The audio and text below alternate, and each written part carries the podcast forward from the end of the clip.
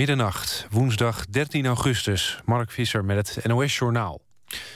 Europese landen die wapens willen leveren aan de Koerden in Irak... kunnen dat doen. Wel moeten ze dat afstemmen met de Iraakse regering in Bagdad.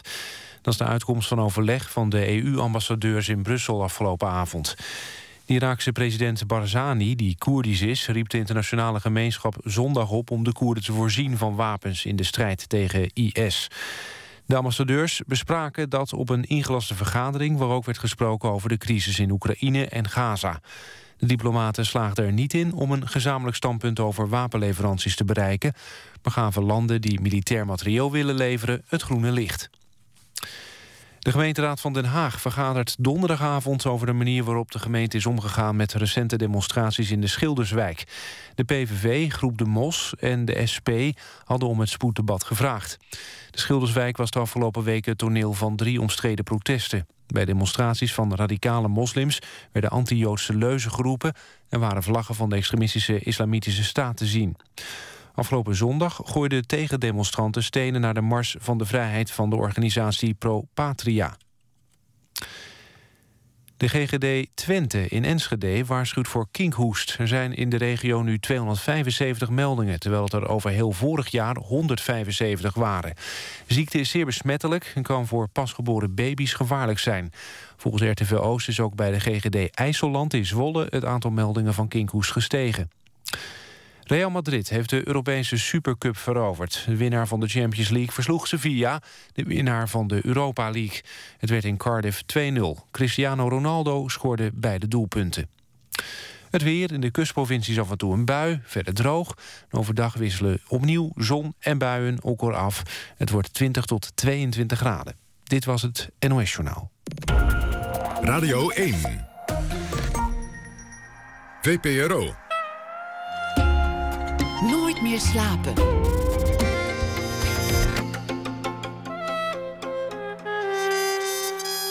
Met Pieter van der Wielen. Goedenacht en welkom bij Nooit meer slapen. Het was toch vooral de dag erna, de dag na het bericht dat Robin Williams overleed. Vannacht hadden we het er al even over. Toen was het een eh, vers bericht. Acteur Robin Williams, maar vooral ook stand-up comedian. In die rol zullen we hem straks gedenken. The Times They Are Changing zong Bob Dylan 50 jaar geleden al. Een historisch moment. We kijken daarop terug met Nico Dijkshoorn, die toen nog jong was. En Tim Knol, die zelfs nog niet eens geboren was. Maar we beginnen met Rosanne Philippens. Zij is uh, violiste. Aanstormend talent uh, wordt ze genoemd. Uh, nou, wordt in zeer grote lofuitingen over haar uh, gesproken. Komend weekeinde treedt zij op in het muziekgebouw in Amsterdam. Daar zal ze uh, stukken van Simanowski spelen. En uh, volgende week is ze ook nog te horen aan het slot van het Grachtenfestival in Amsterdam. Ik hoop dat ik het goed Grachtenfestival heet. Ja. ja. Welkom. Dank je. Ik, ik las dat je al op je derde viool speelde. Ja, klopt. Heb je daar herinneringen aan? Want ik heb zelf pas herinneringen vanaf mijn vierde. Ik, ik, heb, ik ben sowieso heel slecht in herinneringen van toen ik klein was. Uh, ik heb er inderdaad niet veel herinneringen aan, maar wel een paar filmpjes. Ik heb een filmpje van mezelf dat ik twee jaar ben. En dat was een filmpje zonder geluid, waar ik al op een viool zit te zagen. En uh, dat komt waarschijnlijk omdat mijn zus dat deed. Die zat op violes. En ik probeerde haar na te doen. Dus uh, vandaar dat, dat het al een beetje lukte. Maar uh, dat ik echt op viool ging, ja. Nee, dat. Ik kan me nog wel de, de lessen herinneren. Want uh, het waren gewoon groeplesjes. Dus dan ging je samen zingen met andere driejarigen. En een beetje in een treintje achter elkaar aanlopen. En het was allemaal heel speels. Ik kan me nog wel herinneren dat ik dat heel leuk vond. Maar dat is dan, dat is dan waarschijnlijk zo'n zo'n extra klein viooltje. Dat je niet op een, op een grote mensenviool moet zagen. Nee, het is een heel klein, schattig viooltje. Daar komt ook een heel lelijk geluid uit. Maar in het begin is het toch lelijk als je viool speelt. Ja, nou, ik moet wel zeggen, er is één filmpje. Uh, mijn vader had al vroeg een videocamera, dus dat, uh, is allemaal opgenomen. Van mijn eerste voorspeelmiddagje. Uh, en daar speel ik een mars. toen was ik denk ik vier en dat klinkt best wel goed moet ik zeggen. Het is niet, uh, het is niet uh, kras kras of zo. Het heeft wel, ik bedoel, ik maak wel een beetje toon en het is best wel zuiver. Dus nee, het viel allemaal wel mee. Werd het, werd het heel erg vanuit uh, je ouders verlangd dat, dat, je muziek ging maken? Was dat hun wens waardoor jij op je derde al zo'n ding in je handen? Mm, nou, mijn moeder is pianiste. Die geeft ook les zelf. En ehm, zij wilde wel dat wij muziek gingen maken. Ze, mijn zus heeft ze dus een beetje op viool gedaan. Um, en volgens mij wilde ze mij op cello doen. Dat weet ik niet zeker. Maar, maar ik wilde mijn zus nadoen, dus daarom speel ik viool. Maar het is niet uh, per se dat ze ons. Ze heeft ons in geen, op geen enkele manier en mijn vader ook niet gepusht of zo. Het was gewoon, het was gewoon een idee en dat, is, dat hebben we gedaan. Maar ik ben haar wel heel dankbaar voor het feit dat, dat ze elke ochtend om, wat is het, half acht voor school uh, altijd een half uurtje eventjes met me studeerde.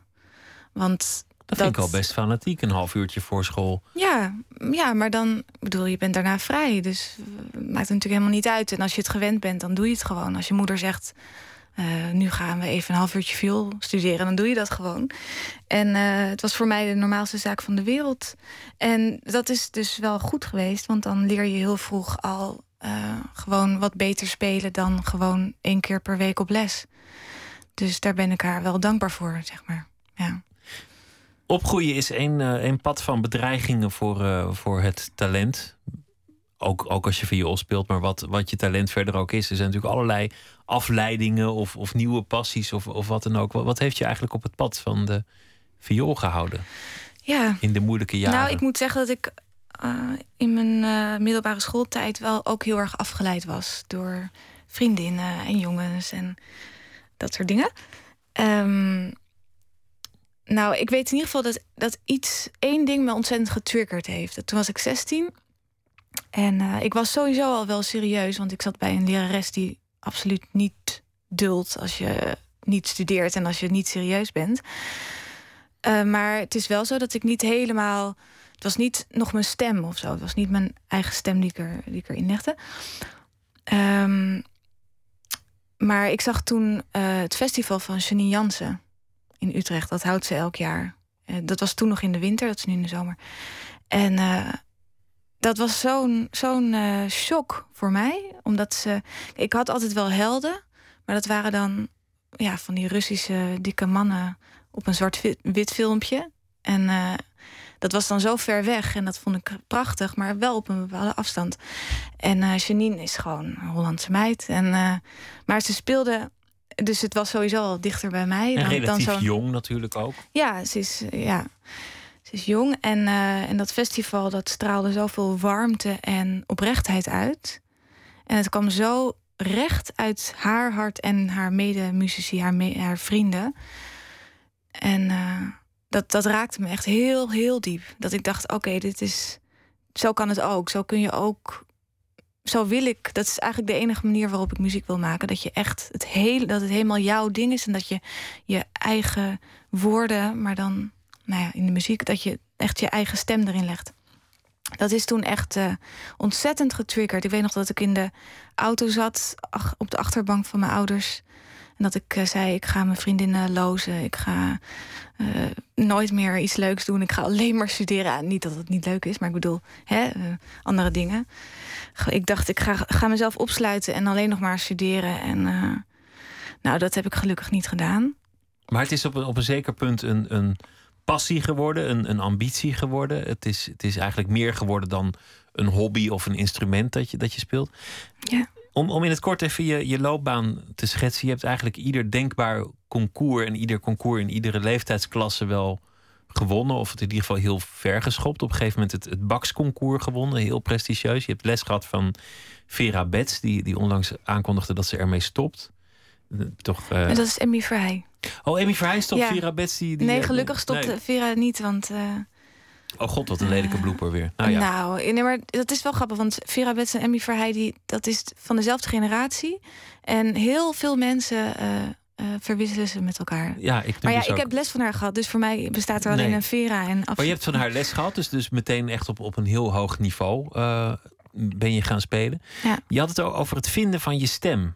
Over, Ja. over het vinden van je, je eigen geluid. Dat het niet meer een instrument is, maar een, een verlengstuk van je gedachten of misschien Ja. je gevoelens. Ja, precies, ja. Hoe gaat zo'n proces? Mm, bedoel, je, eh, bedoel je als je dat ontdekt of als je W- wanneer vind je je stem en, en hoe doe je dat?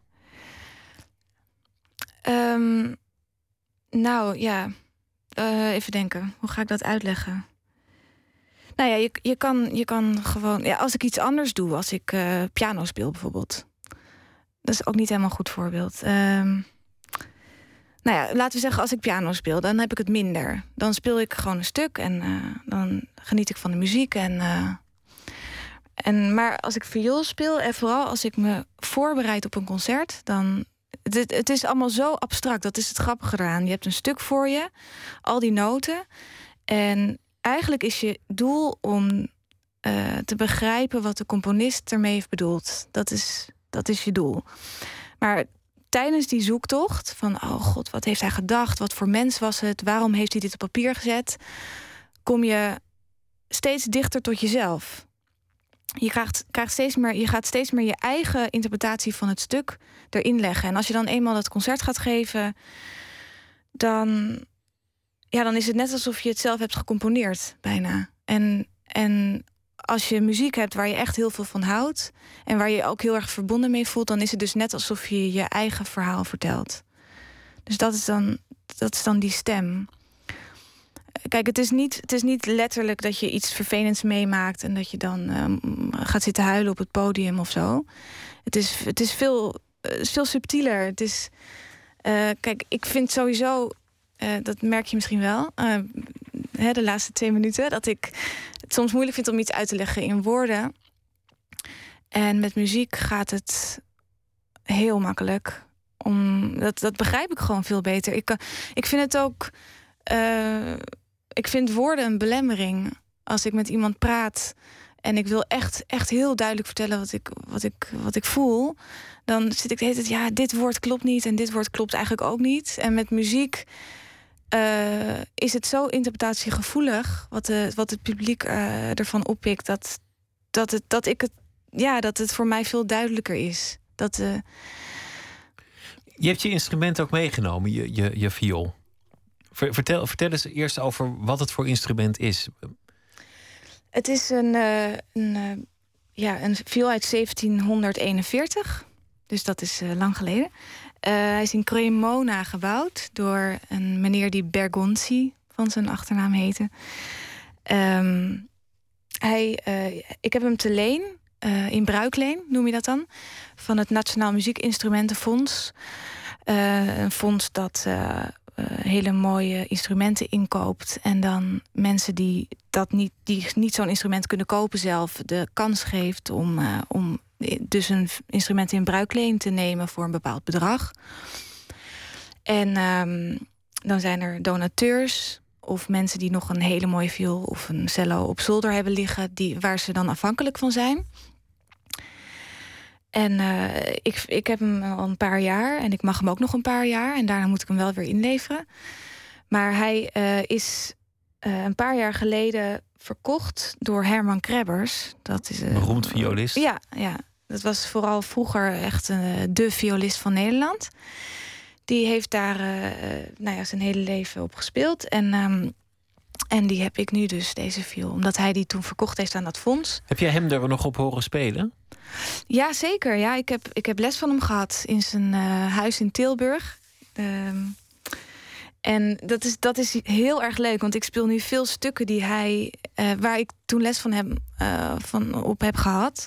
En die ging hij dan voorspelen. En dan dacht ik, nou, ja, uh, jij speelt het veel mooier, maar je hebt ook een veel mooiere viool. Nou, niet dat dacht ik. Ik dacht natuurlijk, je speelt veel beter omdat je veel beter bent. Maar ik dacht ook, oh, die viool, die is zo bijzonder. En, en nu kan ik die stukken die hij toen speelde in die les, kan ik nu dus zelf op deze viool spelen. En dat is, dat is wel heel bijzonder. Dat is.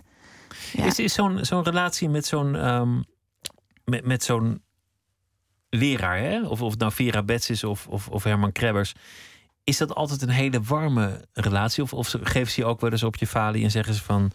nou, je moet, je moet dit gewoon veel beter doen of jouw zwakte zit hier. Hoe, hoe diep gaat zo'n relatie? Mm. Wordt het ook psychologisch? Ja, nou, ik, uh, die lerares waar ik het net over had, waar, uh, in mijn tienerjaren, uh, Koosje Wijzenbeek. Ja, dat, dat werd wel psychologisch. Dat was. zij, zij ging ook wel in op je karakter, heel erg. Um, dus dat was ook, dat was ook een, een tactiek. Ik bedoel, ze, ze was een soort moeder, niet een moeder die je op schoot neemt per se, maar gewoon een, een moeder die je ook een beetje opvoedt of zo. En die een beetje je, je uh, zwakke plekken laat zien, je valkuilen. Omdat uh, natuurlijk. Um, je komt je persoonlijkheid heel erg tegen als je speelt. En de, ik heb gemerkt dat die, die valkuilen waar zij mij op wees, daar, daar moet je ook echt op, bij opletten als je bijvoorbeeld eh, een, een, ja, met je carrière bezig bent en hoe je dat allemaal aanpakt en hoe je veel speelt. Het heeft allemaal zo te maken met je persoonlijkheid. Maar is het ook in, in, je spel dat als je bijvoorbeeld um, in het dagelijks leven de gewoonte hebt om voor uh, moeilijke emoties te vluchten, dat je dat dan ook in je spel doet? Of um, werkt het ehm, minder direct? Nee, dat, dat, ik denk dat zoiets, ja. Bijvoorbeeld. Of ja. je bent, je bent te aardig in het dagelijks leven, laat over je lopen. Dat gebeurt dan ook als je moet soleren voor een orkest? Ja, dat is dan echt inderdaad. Dan heb je ook weer met mensen te maken als je soleert met een orkest. Dus dat is dan heel, heel duidelijk. Maar, maar ook gewoon als je speelt. Ik weet nog dat er een keer een leerling van haar was. En uh, die, toen zei ze: Ja, je speelt precies als je praat. En dat meisje dat praatte heel erg zo. En uh, ja, het is. En het was helemaal waar. Ze speelde echt zoals ze praten. En ik weet nog dat ik. Uh, dat ze tegen mij vaak zei: ja, je, um, je bent heel dromerig en uh, je bent vaag. Ze zei heel vaak dat ik vaag was.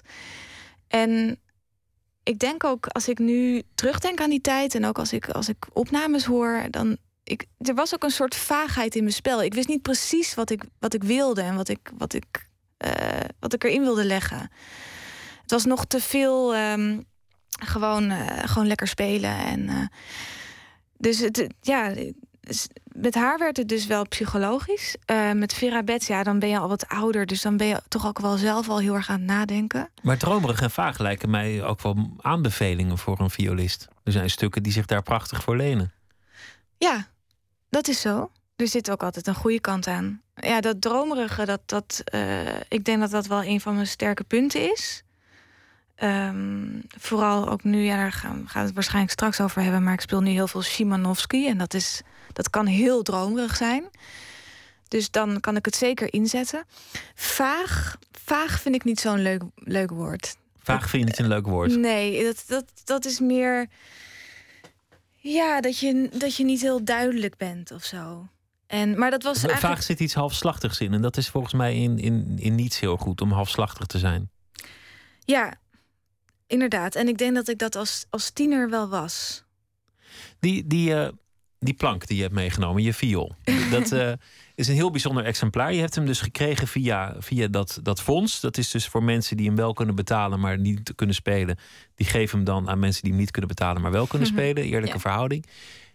Dit is een hele bijzondere viool. Is het dan ook meteen te bespelen? Of, of moet je ook weer opnieuw leren spelen als je ineens zo'n ander soort instrument in je handen hebt? Ja, je moet uh, een instrument moet je altijd leren kennen. En uh, je, kijk, als je um, heel snel strijkt of zo, dan doet de ene viool die geeft meteen een mooie klank terug, en de andere viool die zegt nee, rustig aan, ik ben wat moeilijker. En deze viool is, is op, op die manier soms wel wat moeilijker. Maar dat geeft ook weer dat je extra hard moet werken en dat er dan ook extra veel uitkomt. Maar dit is dus, het, elke viool is heel anders. Dat is echt heel interessant ook. En waarom is deze zo bijzonder? Waarom is deze uh, sinds 1700 zoveel in roulatie ge gebleven en zo gewild? Um, nou, ik, ja, wat ik er heel mooi aan vind is dat hij heel helder is. Maar hij heeft ook een hele donkere kant. Dus hij heeft heel veel uh, kleuren. Kun, kun, je het laten horen? Je hebt, wil ja, je het bij je? Ja, ja. Um, nou, ik, ja. Je hebt dus vier snaren op een viool. ik ga het maar gewoon even ja, uitleggen. Ja, dat is prima. Ja. Um, je hebt je altijd mensen met die een strijkstok, hè? Je speelt met een strijkstok met paardenhaar. Dat is misschien ook niet helemaal bekend. Dus paardenhaar zit erop. Dat wist ik ook niet, dat paardenhaar nee. was. Um, en de, de, de snaren zijn, uh, gaan van heel hoog, dus dat is deze, naar, naar lager. Dat is deze.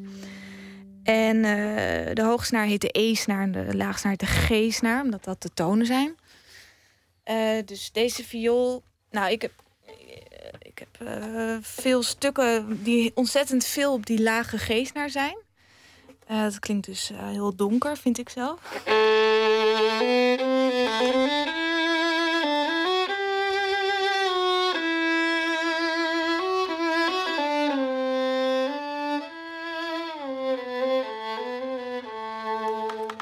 Melancholisch of zo.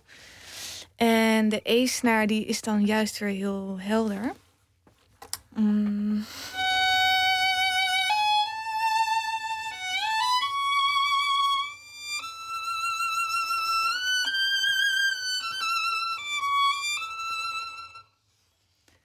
Ja. Vind jij het ook? Ja, het, het, het, het hogere is veel helderder en het, de an- de Ja. andere is duisterder. Ik zat, Ja. ik zat, zat eigenlijk ook heel erg te, te luisteren naar, naar hoe intens het meteen wordt en hoe je die, die trillingen erin legt. En, ja, en, eh, vibrato. ja, Ja. en, en hoe, je, hoe je echt opgaat. Het, het is bijna alsof je inderdaad een stem krijgt ja. middels die viool. Het lijkt, er lijkt geen onderscheid tussen jou en je instrument. Nee, nee. Het is ook wel grappig, want ik, ik improviseer eigenlijk niet zoveel. Eh, maar nu, dit was trouwens gewoon helemaal zelf bedacht. Dus dat is, dat is ook wel, wel mijn stem dan, extra. Ja, nee, ik, ik, ik, heb, ik speel er elke dag op. En als ik er niet op speel, dan word ik... Nou, oké, misschien één dagje kan wel. Maar als het langer dan één dag is, dan word ik echt een beetje verdrietig. En gewoon. hoeveel uur per dag hebben we het dan over inmiddels? Ehm, nou, ik zit nu in een, in een echt een hele drukke periode. Dus dan, ja, dan speel je met mensen samen en je repeteert en je studeert. Dus dat komt wel, dan ben je de hele dag bezig gewoon. eh hoeveel is het? Acht uur of zo? Acht uur spelen, maar dat is fysiek ook intensief, Ja, denk Ja. ik. ja, dat is wel zo. Je moet wel oppassen voor je, voor je nek en voor je schouders. Eh, gewoon altijd weer even gaan zitten en ontspannen. En daar moet je wel op letten. Maar, ehm, maar ik word er niet moe van. Dat is wel grappig. Ik word, word echt niet moe van eh, veel viool spelen. Ik word moeier van in een stoel zitten en eh, tv kijken of zo. Dat, ik heb wel eens een, een pianist gesproken die al heel jong als talent gold. En die elk jaar, was al een dagje ouder, op zijn verjaardag een stuk van de poten van zijn vleugel thuis afvelde. En zo hoopte hij dat op een dag die vleugel de grond zou raken en hij hem nooit meer zou moeten bespelen. Omdat hij zo'n haat-liefde verhouding met zijn instrument had, omdat zijn jeugd erdoor vergald was. Oh, echt? Ja. Maar dat heb jij niet zo, geloof ik. Nee, was dat een Nederlandse pianist? Nee, nee, Franse. Nee, ja, dat is, eh, in Nederland worden we gepamperd. Nee, ehm, nee, dat heb ik helemaal niet. Maar mijn jeugd is er ook helemaal niet door vergald. Ik heb gewoon een, een hele normale, gezellige jeugd gehad. Met vioolles en, eh, en, eh, en studeren. Dat is- nee, dat kan ik absoluut niet. nee, ik ben ik niet met hem eens.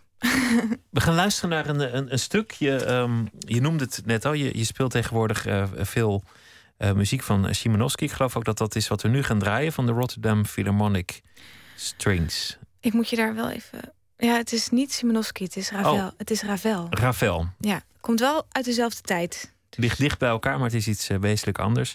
Ehm, en wordt gedirigeerd door Yannick Nezet-Seguin.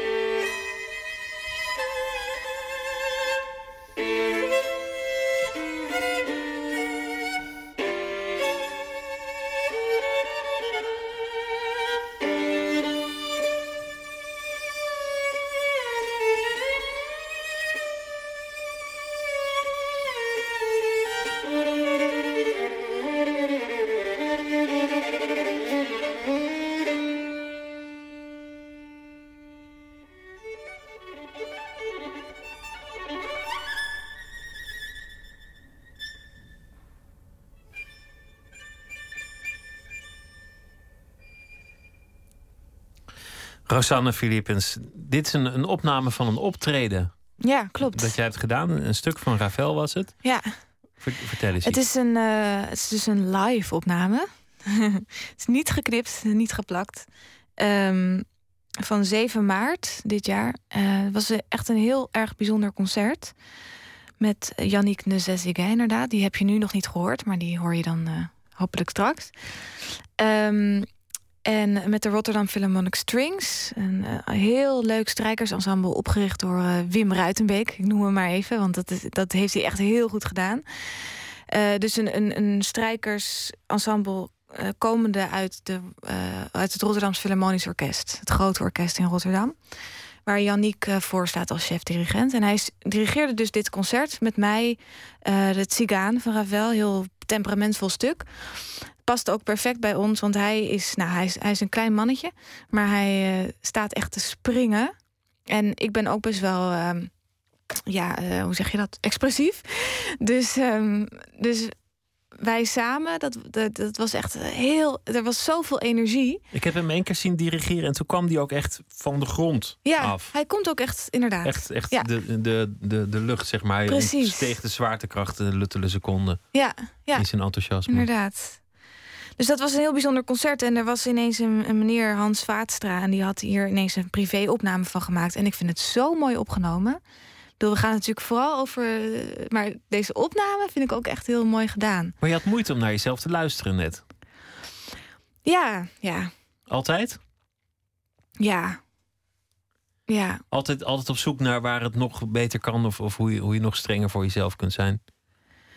Um, ja, dat, dat is dan wel heel erg. Dat is dan wel heel erg uh, leergierig of zo. Het is, dat is natuurlijk ook, maar het is ook gewoon dat het een momentopname is. Het is gewoon geweest. En je bent, de volgende dag ben je alweer verder. En, uh, en daarom vind ik het moeilijk om, uh, om naar het verleden te luisteren. Dat is het gewoon. Maar het is, ik weet, ik bedoel, ik zit niet te creperen of zo. Ik, ik, als, er zijn ook mooie momenten dat ik denk: oké, okay, fijn, dit is, dit, is echt, dit is echt wel goed. Maar ja, maar toch. Nee, ja, maar ja, wat moet ook, je moet zoeken naar verbetering. Als je de allerbeste wil worden, moet je altijd. Ja, daar, nee, maar ik, ik, ben ontzettend uh, um, uh, bezig altijd om beter te worden. Dat is echt. Uh... Wat was het moment trouwens dat je, dat je speelde en dacht: nu heb ik die stem gevonden, nu klopt het. Nu is die viool helemaal niet meer iets dat tussen mij en, en wat ik speel instaat, maar is het gewoon een, een verlengstuk geworden. Nu ben ik het zelf. Ja. Nou, ik weet nog wel een moment. Dat ik was ergens in de, in de Zwitserse bergen op, een, op een, een, cursus. Dus dan krijg je les en je speelt concerten en zo. En um, mijn lerares gaf mij toen een Brahms-sonate. Nou, dat is echt de mooiste muziek die je hier maar kan indenken. Heel romantisch, heel mooi, goed gemaakt, uh, prachtig. En zij zei, nou, voorzien je eigen vingerzettingen maar. Uh, dus dan, ja, het is een beetje moeilijk om uit te leggen. Maar je, je moet natuurlijk altijd weten welke vingers je op welke noot zet. Daar moet je echt over nadenken. Op zo'n viool, hè, je hebt de hele toets en eh, je kan heel hoog uh, op de toets gaan in een andere positie. Ja, ingewikkeld. Maar in ieder geval, ze zei, doe ermee wat je wil, zeg maar. Ik ga niet uh, vingers, vingers erbij schrijven. nummers erbij schrijven. En dus toen ging ik daarmee aan de slag. En toen speelde ik dat. En de achtergrond was ook echt de Zwitserse bergen met de gletsjers. En de zaal was prachtig. En, en die muziek, overweldigend. Brahms, nou. En ik had het helemaal zelf zitten uitzoeken. En toen dacht ik, oh, oh, dan, ja, hoe leg je dat uit? Dat is dus heel moeilijk om uit te leggen. Maar dan is het dus niet iets wat, wat van een afstand gebeurt, maar iets wat je zelf bent. Je wordt het gewoon zelf. Je, je zegt van publiek of, of mensen die luisteren dit is wat ik wil zeggen, dit is wat ik wil zeggen. Zo voelt het. Een mooi moment, lijkt me dat. Ja. Als het samenvalt. Zeker. Ja, het is, het is heel mooi en ook belangrijk of zo. Het is ook gewoon. Ja. De druk is enorm. Je, je hebt dat enorme orkest achter je. Je hebt die dirigent die, die met al zijn enthousiasme en energie daar staat. Die, die ook niet eens zelf doorheeft waarschijnlijk dat hij, dat hij van de grond afkomt in zijn enthousiasme. Jij moet zo leren. En vaak zijn het eigenlijk maar korte momenten dat jij alles moet laten samenkomen. De, de, zaal is streng. Het is een strenge sfeer vaak, klassieke muziek. Mensen zijn heel uh, oordelend. Ja, moet gewoon niks van aantrekken. Niks van aan. Maar hoe, hoe bereid je je daarop voor? Ehm, ja, nou ja, ten eerste moet je gewoon boven het stuk staan. Je moet gewoon heel goed weten wat je wil. Eh, dus daar gaan gewoon heel veel uren, dagen, weken, maanden in zitten. Oefenen. Ja. ja. Dat is toch altijd de beste remedie tegen zenuwen, is oefenen. Ehm, nou ja, het is in ieder geval. eh, Het is waarom je het doet. Je wilt gewoon eh, iets te vertellen hebben. En als je weet dat je iets te vertellen hebt, als je dus je heel goed hebt voorbereid en je daar staat met een reden, dan voel ik me ook waardig om daar te staan en voor al die mensen te spelen. Dus dan, ja, dan inderdaad, dan zijn de zenuwen minder. Eh, verder, ja, ook gewoon een gezonde levensstijl een beetje proberen te hebben. Gewoon niet, eh, niet te zwaar eten voor het concert. Ehm, goed slapen vind ik heel belangrijk. Ehm, dat soort dingen kan je allemaal wel doen. Maar het belangrijkste is gewoon dat je, dat je weet wat je gaat vertellen op het podium. En kort voor het optreden, want je moet, je moet fit zijn, maar op dat moment moet het echt gebeuren. Het is een moment dat. Heb je, heb je een soort ritueel daarvoor? Kort voor je opgaat, voor je gaat spelen. Je moet natuurlijk je instrument warm spelen, je vingers een beetje losmaken. Stemmen is ook altijd aan te raden, maar Het ritueel is eigenlijk gewoon eh, de jurk aantrekken. Of wat dan ook, maar het is vaak een jurk. Eh, je haar doen. Dat, dat, doe je, dat, dat is eigenlijk het ritueel. Gewoon dat, dat half uur voordat je op moet eh, beginnen met je aan te kleden. En je haar en je make-up. En dat soort dingen. En de sfeer in het orkest, is dat belangrijk voor je functioneren? In het orkest. Ja, hoe, hoe, hoe de andere muzikanten. Want het, het, het kan soms een beetje een mokkerige sfeer zijn in orkesten. Ja, nou, Ik weet niet of, of dat in de orkesten waar jij mee speelt het geval is. ja, maar- ik, speel, ik speel dus nu oh, oh, echt deze dagen eh, met een jong orkest. Nou, die zitten echt niet te mokken. Die, eh, die zitten vol vuur. Dus eh, nee, ik heb nog nooit gehad dat ik dacht dat ik het podium op kwam dat ik dacht, poeh, kan het wat gezelliger of zo. Nee, dat heb ik nog nooit eh, gehad.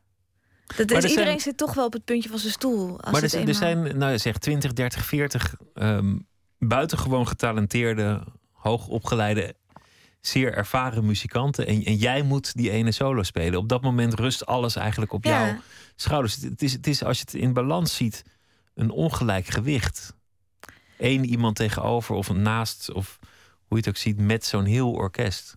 Ja. Ja, maar je staat daar niet voor niks. Ik bedoel, het is, het is niet, eigenlijk niet oneerlijk. Het is, het is, eh, het is heel eerlijk. Jij, jij wilt solist zijn. En zij willen graag in dat orkest zitten. En dat is gewoon eh, hoe, hoe de balans is. En, en het is ook niet helemaal waar dat het allemaal op jouw schouders rust. Ik bedoel, je hebt een dirigent. En die, eh, dat is eigenlijk de brug tussen jou en het orkest. Ehm, die houdt je altijd in de gaten. En eh, ja, en het orkest, ik bedoel, ik vind het heerlijk om, eh, om een soort kamermuziek eh, sfeer te creëren. Dat ik ook weet met, met, dat ik met de hobo iets heb. Of dat ik met de tweede violen wat heb. En dat, ik, eh, dat we echt samen iets doen. Dus eigenlijk ook al, al sta je met, nou ja, misschien wel 60 man op het podium. Eigenlijk maak je er kamermuziek van. Eigenlijk speel jij een trio of een kwartet. Af en toe eh, speel je een kwartet inderdaad, dan speel je een duo. En soms is het het grote toetie-orkest eh, met jou alleen. Maar dat heeft dan ook weer zijn charme. Het is, kijk, natuurlijk is het spannend om de soliste te zijn. Eh, het orkest eh, gaat stemmen, ze gaan zitten, het wordt stil. Het duurt altijd net iets te lang. Ik snap dat nooit helemaal. En dan komt de dirigent eh, en, en, je, en de solist. Dus natuurlijk heeft het een bepaalde spanning. Dat is natuurlijk zo. Ehm, maar dat is natuurlijk ook een beetje het dingetje eromheen. Uiteindelijk gaat het om de muziek. En dan is het gewoon iets wat je samen doet. Ja. Kun je ontwricht worden kort voor een optreden? Als, als, als eh, iemand iets onaardigs zegt. Of, of, of, als, als, als je een vervelend sms'je krijgt van deze en of gene. Of, of, of dat soort dingen. Mm, even denken hoor. Of ik dat wel eens heb gehad. Ehm, nou. Nou, ik, nee. Ik, ik, eh, tuurlijk kan het gebeuren, maar er moet wel een ontzettende eikel zijn die iets vervelends tegen je gaat zeggen vlak voordat je opgaat. Een aantal jaar geleden werd er een documentaire over je gemaakt. En toen, toen zei je, het kwam je van het podium af, toen zei je. Ik zag dat er iemand in de zaal op zijn horloge keek. Oh ja, ja. En, en dat vond ik wel interessant, omdat jij toen erachteraan zei: mensen denken dat iemand op het podium dat niet ziet. Ja. En, en ja. eigenlijk had ik daar ook nooit bij stilgestaan. Dat, ik bedoel, ik heb zelf geen horloge, ik ben onverdachte deze. Maar dat, dat, de, dat de muzikanten zich door de zaal kunnen laten afleiden, is iets wat volgens mij niemand zich bedenkt. Nee. Ja, dat, eh, nou ja, bij deze dus. Mensen, als je in de zaal zit. Maar ik ben daar wel heel erg, ik ben daar extra volgens mij eh, alert op. Dat ik, ik wil gewoon zo graag dat het publiek eh, betrokken is. Dat ze, ehm, dat ze voelen wat ik bedoel te zeggen of zo. Dat ze, dat ze het ook belangrijk vinden. Ja, het is heel heftig natuurlijk dat ik dat wil, maar. Maar dat is gewoon voor mij het ideaal. Dat ze allemaal denken: oh, nu snap ik iets. Of oh, nu. Dat was trouwens ook heel leuk. Ehm, ik speelde een paar dagen geleden in Berlijn.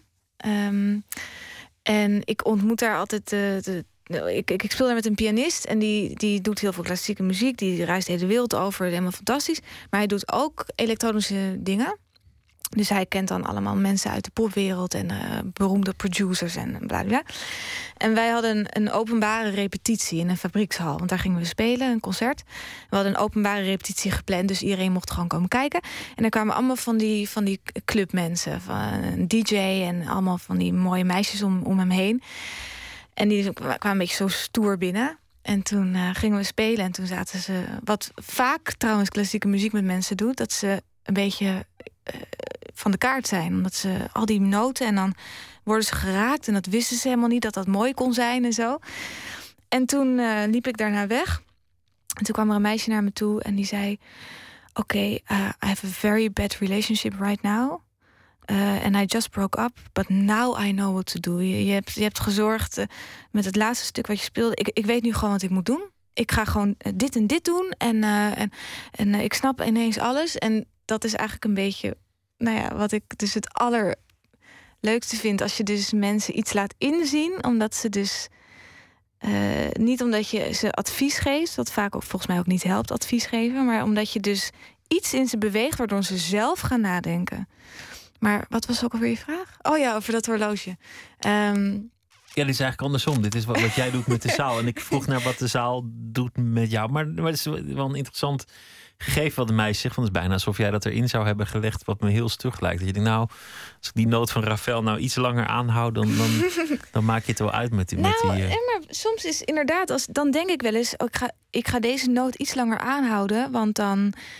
Uh, dan, dan uh, komt de volgende noot weer meer tot zijn recht. Of ik, ik bedoel, ja, ik, hoe vertellender ik het kan spelen, hoe blijer ik ben. Pak even je, je, je viool erbij, want um, ik begin nou toch benieuwd te worden naar een aantal van, van, van die dingen. Szymanowski heb je, heb je het over gehad. Iets wat, wat past bij je karakter, zei je toen. Tijdgenoot van, van Ravel. Um, wil je een klein stukje spelen? Kan dat? Ja. Heb je iets, iets paraat? Ja. ja, zal ik eerst even zeggen wat het is? Ja, graag. Um, het, de, uh, Szymanowski heeft een opera geschreven. Het is een hele exotische opera. Het speelt zich af rond de Middellandse Zee. Uh, met allemaal Arabische invloeden. Het gaat over oud, het oude Griekenland, het oude Rome. Uh, allemaal hele nou ja, fijne plekken speelt de opera zich af. En um, dit is een lied dat Roxana zingt een van de personen in de opera. En zij probeert een prins te verleiden met dit lied. En het is uh, dus eigenlijk voor viool en groot orkest. Uh, sorry, viool. Voor zang en groot orkest. Maar het is bewerkt voor viool en piano. En het, het, is, het duurt heel kort, maar het, het begint met een uh, cadens. En dat is dus een, een stukje waarbij de viool helemaal alleen speelt. En daarna komt de piano erbij. Maar ik speel dus het. Uh, dus we hoeven er geen piano bij te denken. Dit is gewoon echt solo. Dit is echt helemaal alleen maar viool.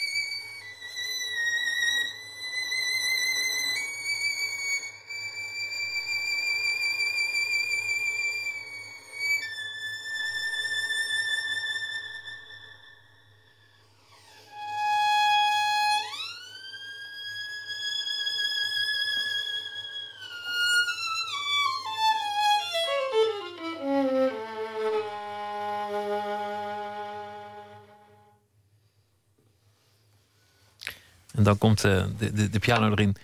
Ja. Muziek die, die bij jou past, zei ik. Maar, waarom, waarom eigenlijk? Waarom is dit muziek die, jou, die, die past bij jouw manier van viool spelen? Omdat het um, heel subtiel... Ja, het is heel gevoelige muziek. Dat is het eigenlijk. En ik ben zelf ook behoorlijk gevoelig als mens. Dus um, uh, ja, er, er gebeurt heel veel in elke maat, noem je dat dan. Maar dus uh, ja, er gebeurt gewoon heel veel. En er komen heel veel emoties in tot uiting. Maar niet alleen, maar niet op een bombastische manier. Ja, soms ook wel, maar heel vaak in een hele subtiele, op een hele subtiele manier. En ja, dat, dat herken ik gewoon. Um, of dat, dat spreekt me gewoon heel erg aan. Ja. Ja, het is een bepaald soort sfeer natuurlijk. Misschien ook iets met een bepaalde techniek. Want je hebt, je hebt een tijd zigeuner uh, muziek op je repertoire uh, gezet. Stukken van Bartok ook. Ja. En, en dat zijn voor, voor violisten echt, echt moeilijke stukken. Heb ik me laten vertellen. Ja, Um, ja, nou, uh, Bartok, het is, eh, in Bartok zit inderdaad heel veel volksmuziek. En dat hebben de zigeuners dan ook weer in hun muziek. Het is, het is niet echt zigeuner. Het is meer dat, dat de volksmuziek de bron is. Hij, hij ging dus met die bandrecorders naar Precies, hij ging naar die boerendorpjes. En dan ging hij boerinnetjes uh, vragen om wat in, in zijn fonograaf te zingen en zo. Ja, en daar heeft hij dan een heel erg op zijn Bartokiaanse stuk van gemaakt. Um, moeilijke muziek, ja. Het is. Het ze, is ze hebben het altijd over de grepen die, die haast niet te pakken zijn. Ja, oh ja. Ja, het verschilt een beetje welke stukken je speelt. Ik heb heel veel uh, rhapsodieën gespeeld. En dat is hele ritmische, met heel veel volksmuziek uh, invloeden. Uh, dat zijn echt van die stukken. Um, je hebt ook een beetje de mo modernere Bartok toen hij wat ouder was. En dat is, dat is echt, dat is inderdaad heel lastig. Ja, dat is, uh... kun, je, kun je een stuk voorspelen dat dat bijna niet te spelen is? Of, of vraag ik nu iets van je dat je denkt van, jezus man? Uh, oh, um, even denken. Um, dat heb ik nu zo snel niet paraat, denk ik, van Bartok. Want oh, ik, iets, ik iets heb... anders, maar ik vroeg me af, wat, oh, wat zijn okay. nou, de, wat ja, zijn nou de, de, de, de, nachtmerriestukken voor een violist? Ja, um, moet ik even nadenken? Moet ik echt even nadenken? Um, even denken. Het is best wel moeilijk, want ik, ik speel nu uh, allerlei stukken waar dat niet echt zo is. Dat ik echt kan laten horen. Ik vind dat, er... altijd wel interessant, omdat er dan toch altijd een soort muziek is, is iets van een sfeer of een verhaal of een compositie. Maar uiteindelijk zit er ook een soort sportelement in dat het gewoon virtuositeit wordt. En dat het bijna een soort hoogspringen, verspringen of, uh, ja. of darts wordt. Van, van haalt iemand ja. het? Nou, ik, ik zal wel even iets spelen uit het uh, vioolconcert... wat ik dus nu uh, aan het repeteren ben. Um, Simanovski dus. Um, dat is een heel lyrisch stuk, maar er zitten ook hele ritmische dingen in. En ja, dit, dit, is, dit is wel een lastig plekje. Dat zal ik wel even spelen.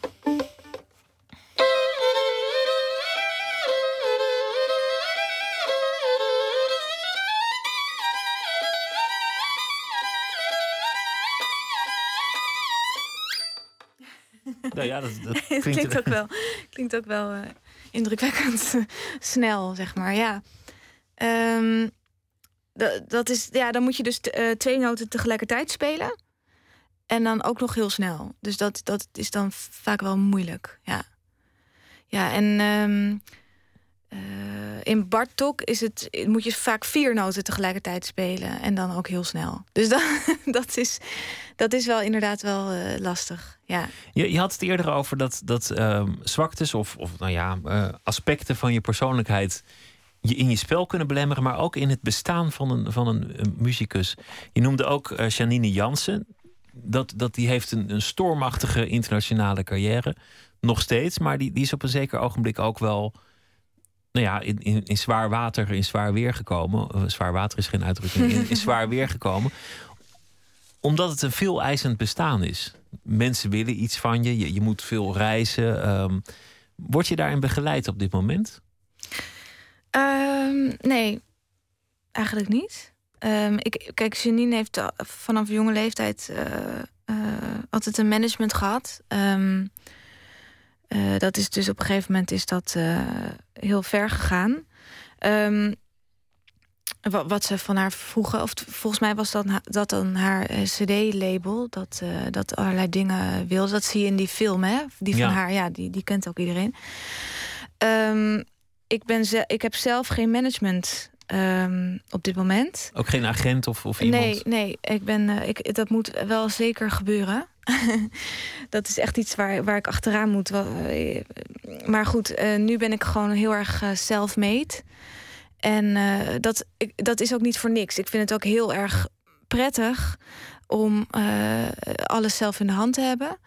En om zelf projecten op te zetten en gewoon de vrijheid te hebben om dat te doen.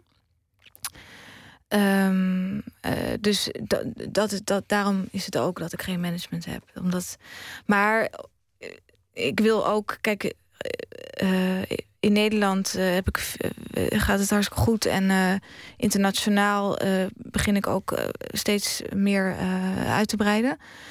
Maar om echt, echt internationaal echt wat te doen, heb je gewoon iemand nodig die bij een groot management zit. En terwijl jij aan het repeteren bent, want dat is natuurlijk meestal het geval, aan het studeren bent, aan het repeteren bent, gewoon bezig is met, met de rest van, de, van wat erbij komt kijken. Eigenlijk iemand, iemand die jouw carrière overneemt in die zin. Jij, ja. jij, jij moet spelen, zorgen dat je goed wordt, zorgen dat je in vorm bent. Dat is al moeilijk genoeg.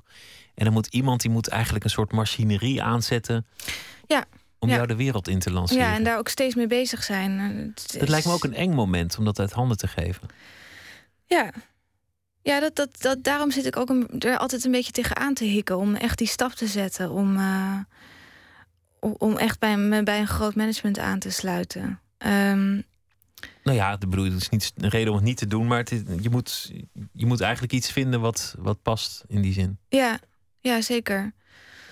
Ja, daarom ook. Je moet echt op zoek gaan naar een, een management dat ook uh, uh, ja, heel erg betrokken is bij je. En um, nou ja, het beste met je voor hebben is misschien iets te naïef gedacht. Want ze moeten natuurlijk ook gewoon verdienen. Maar, maar wel heel erg goed kijken naar wat jou uh, maakt zoals je bent. En wat, ja, gewoon dat, dat, dat ze je heel erg bij jezelf laten blijven. Dat is natuurlijk wel heel belangrijk.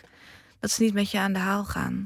Er zijn natuurlijk uh, um, in ieder instrument een aantal van die, van die virtuozen die, die de echte allerhoogste, uh, het allerhoogst haalbare halen. De, de, de grote roem, de, de Hilary Haan-achtige uh, supersterren van de klassieke muziek. Mm -hmm. Wat is jouw droom eigenlijk? Is dat in die richting of is dat heel anders? Um, nou, ik, ja, mijn droom. Ik, ik vind dat dus altijd een hele moeilijke vraag. Omdat. Het is, het is een klote vraag die je eigenlijk nooit aan iemand zou moeten nee, stellen. Nee, kijk, natuurlijk zou, moet ik zeggen, uh, mijn droom is om in Carnegie Hall met. Uh, hè, dat, dat zou ik dan moeten zeggen. Maar ik, um, kijk, ik heb, ik heb altijd uh, een, korte termijn droom. Uh, en dat is dat ik uh, bijvoorbeeld heel graag het Szymanowski veelconcert wil opnemen op CD. Of dat ik het wil spelen. Of um, dat ik bepaalde muziek dus heel graag wil spelen. En, um, en die ga ik dan vervullen. En um, ja, en, en het is ook zo dat ik, ik heb heel veel met, uh, in, in ensembles gespeeld en heel veel kamermuziek gedaan als trio, als kwartet. En ik begin nu steeds meer uh, solo te spelen. En, en dat vind ik wel heel, heel erg boeiend en, en leuk en interessant. En ik heb ook het gevoel dat ik, dat ik er klaar voor ben. En um, dus dat is, dat is nu wel, ja, dat is nu wel een droom dat ik dat meer ga doen. Kijk, ik heb wel een droom. Ik heb bijvoorbeeld een droom met het Berliner Philharmoniker dat Szymanowski veelconcert spelen. Um, maar het Maar is het niet gaat- zo dat dat nou zeg maar het enige is en dat alle andere orkesten een soort van weg daar naartoe zijn. Dat is dan ook weer niet zo. Maar het gaat dus uiteindelijk om zoveel mogelijk spelen. Mooi repertoire spelen. Met, met, met de meest fantastische orkesten, dirigenten en, en muzici Ja. samenspelen. En Mhm. dan liefst ook nog op mooie plekken. Ja.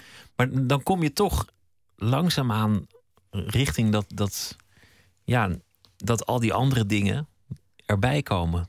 De roem, de druk, de, nou ja, de handel. Ja. Ja. ehm, dat, dat, dat zou dan kunnen gebeuren, bedoel je? Dat gaat bijna samen. Berliner Philharmoniker, dat, dat betekent een grote zaal. Dat betekent een zekere mate van status. Dingen, dingen komen nauwelijks los van elkaar, heb ik de indruk. Ja. Ja, maar ik geloof er echt in dat als je, ehm, als je daar echt heel hard voor hebt gewerkt om daar te komen, dat je het ook wel, dat je er ook heel erg sterk in staat en dat je het wel aan kan of zo. Ik bedoel, als je er echt heel hard voor hebt gewerkt, dan, dan zal je ook niet zo snel naast je schoenen gaan lopen. Want je weet gewoon, ja, ik ben hier omdat ik dit heb gedaan. En, en uh, dat, men, dat je dan misschien roem krijgt. Maar je weet zelf heel goed uh, hoe het zit of zo. Ik bedoel, ja, misschien als je, als je beroemd bent om iets heel oppervlakkigs of om, omdat je even een, een hype bent of zo, is het misschien anders. Maar als je echt echt jaren hebt gewerkt hiervoor. Ik denk dat je dan gewoon zo sterker in staat. Dat, dat, er niet echt, dat niet echt iets je kapot kan krijgen. En je moet zo voel ik het tenminste. Nooit achterwaarts leven, gewoon, gewoon voorwaarts. Ja, ik heb trouwens wel een droom. Oh. Ja, ik heb zeker niet, een droom. Niet, niet wereldvrede zeg. Uh, wereldvrede. Oh. ja, nee. Um, Maar het is een droom, maar het is gewoon iets wat gaat gebeuren. Dus daarom vind ik een droom, uh, dat klinkt altijd zo. Namelijk een, uh, een festival, zelf een festival opzetten. Met, en dus net met, als Janine vroeger. Ja, net als Janine en, en veel andere mensen. Toen, toen jij haar zag en dacht. Ja, precies. Dat, je, dat er één, één moment is in het jaar dat je al die mensen die je in binnen- en buitenland ontmoet waar je mee samenspeelt, waarvan je denkt: Oh, jij bent goed. Oh, jij begrijpt het. Oh, wij zijn klik. Dat je dan niet gedag zegt. Oh, sorry. Dat je dan niet gedag zegt en uh, weer teruggaat. Maar dat je kan zeggen: Oh, maar ik ga je uitnodigen op mijn festival. En dan gaan we het gewoon nog een keer overdoen. En uh, dat je ook je eigen stukken kan programmeren. Dat je je eigen gekke gedachten uh, allemaal erin kan stoppen. Rare projecten met crossover en zo. Ja, dat, en dat ik een bepaalde locatie kan gebruiken die normaal niet gebruikt wordt. Dat soort dingen. Dat, dat is echt wel een hele grote wens van mij. En het gaat gebeuren, zei je? Nou, eh, het, gaat, het moet gewoon gebeuren. Dus en ik ben al wel een beetje in gesprek erover. Ja. Want andere muziek interesseert je ook. Hè? Eh, je, in die documentaire word je ochtends wakker met Charlie Parker. Ja. Uh, All the Things You Are was het, was het volgens mij ja. het liedje. Ja, en... volgens mij ook, ja. En, en, je had het net voor de uitzending over Freddie Mercury. Ja, oh ja. Dus, je, dus je, hebt, je hebt ook wel interesses buiten de, buiten de klassieke ja, muziek. Ja, ik hou heel erg van jazz, sowieso.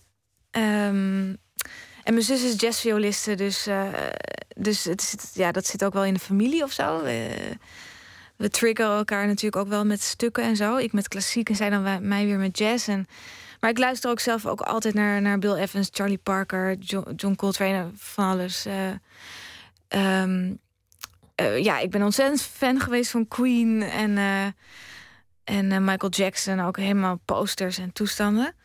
Um, ik moet wel zeggen dat ik de laatste tijd toch heel erg gewoon neig naar heel veel klassieke muziek. Omdat er gewoon ja, 300 jaar of zo materiaal is. En, en je nooit uh, genoeg kent. Ik bedoel, er is zoveel. Dus... Zullen, we nog eens gaan luisteren? Want we hebben nog een stuk te goed. We hadden net het, uh, een, een, deel van, uh, van Ravel. En, er is nog een ander deel. Laten we dat nu luisteren.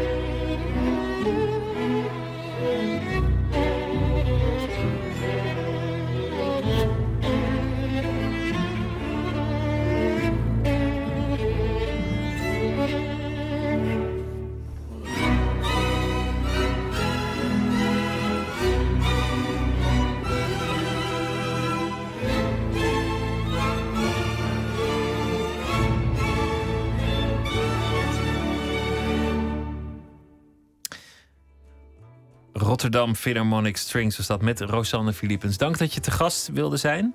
Zaterdag treed je op in het uh, muziekgebouw aan het IJ in Amsterdam met uh, Szymanowski.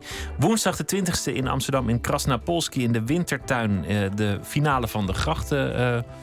Festival, het Grachtenfestivalprijs gebeuren. Ja, ja, de Grachtenfestivalprijs. De Grachtenfestivalprijs, ja. ja. ja. En dan de 22e, dan speel je met de solisten van het Ludwig Orkest. Ja, ik ben zelf de soliste en, en, en, en ik speel met het Ludwig Orkest. Ja, heel erg leuke avond wordt dat ook. Half tien, uh, vrijdag 22. Zie je, we komen eruit. Dank dat je te gast wilde zijn. Dank je wel. En zometeen is Nooit meer slapen. Op Radio 1, het nieuws van alle kanten.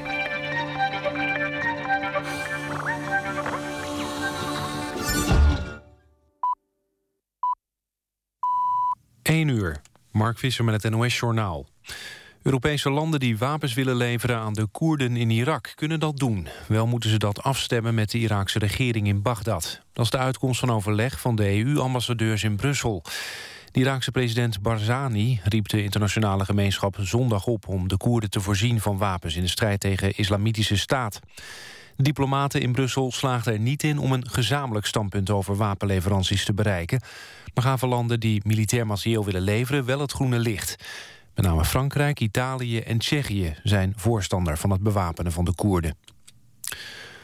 Archeologen in Griekenland hebben een enorme graftombe ontdekt... die dateert uit de tijd van Alexander de Grote. Deskundigen zeggen dat het gaat om de grootste tombe... die ooit in Griekenland is gevonden. Volgens de Griekse premier Samaras gaat het om een extreem belangrijke vondst... maar er zijn geen aanwijzingen dat het gaat om het graf van Alexander de Grote zelf. Deskundigen vermoeden dat het toebehoort aan een andere prominente persoon uit de oudheid. Archeologen deden hun vondst bij de kustplaats Amphilolis... zo'n 100 kilometer van de stad Thessaloniki. Het overheidstekort van de Verenigde Staten blijft dalen. Doordat het tekort maandelijks verder terugloopt... is de VS op koers om het begrotingsjaar eind september af te sluiten... met het laagste overheidstekort in zes jaar. Verwachting is dat het tekort dit jaar uitkomt op zo'n 375 miljard euro. Vorig jaar was dat nog 510 miljard euro. Real Madrid heeft de Europese Supercup veroverd. De winnaar van de Champions League versloeg Sevilla, de winnaar van de Europa League. Het werd in Cardiff 2-0. Cristiano Ronaldo scoorde beide doelpunten. Het is de tweede keer dat Real Madrid de Supercup wint. De eerste zege was in 2002, toen Real met 3-1 van UEFA Cup-winnaar Feyenoord won. Het weer. In de kustprovincies af en toe een bui, verder droog. Overdag wisselen opnieuw zon en buien elkaar af. Het wordt 20 tot 22 graden. Dit was het NOS Journaal. Radio 1. VPRO. Nooit meer slapen.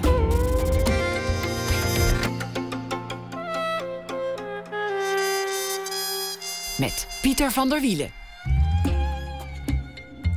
Rob van Essen is uh, recensent voor NRC Handelsblad onder andere. Hij recenseert Engelstalige literatuur. Hij schrijft ook zelf boeken.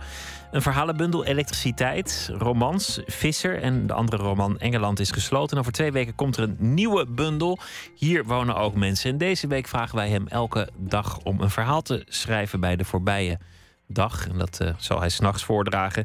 Gisteren uh, had hij het over arbeiders en hun onvrede, werknemers en hun onvrede, een brief aan zichzelf, want hij is zijn eigen baas. Dus als ontevreden werknemer stuurde hij een brief aan zichzelf als directeur.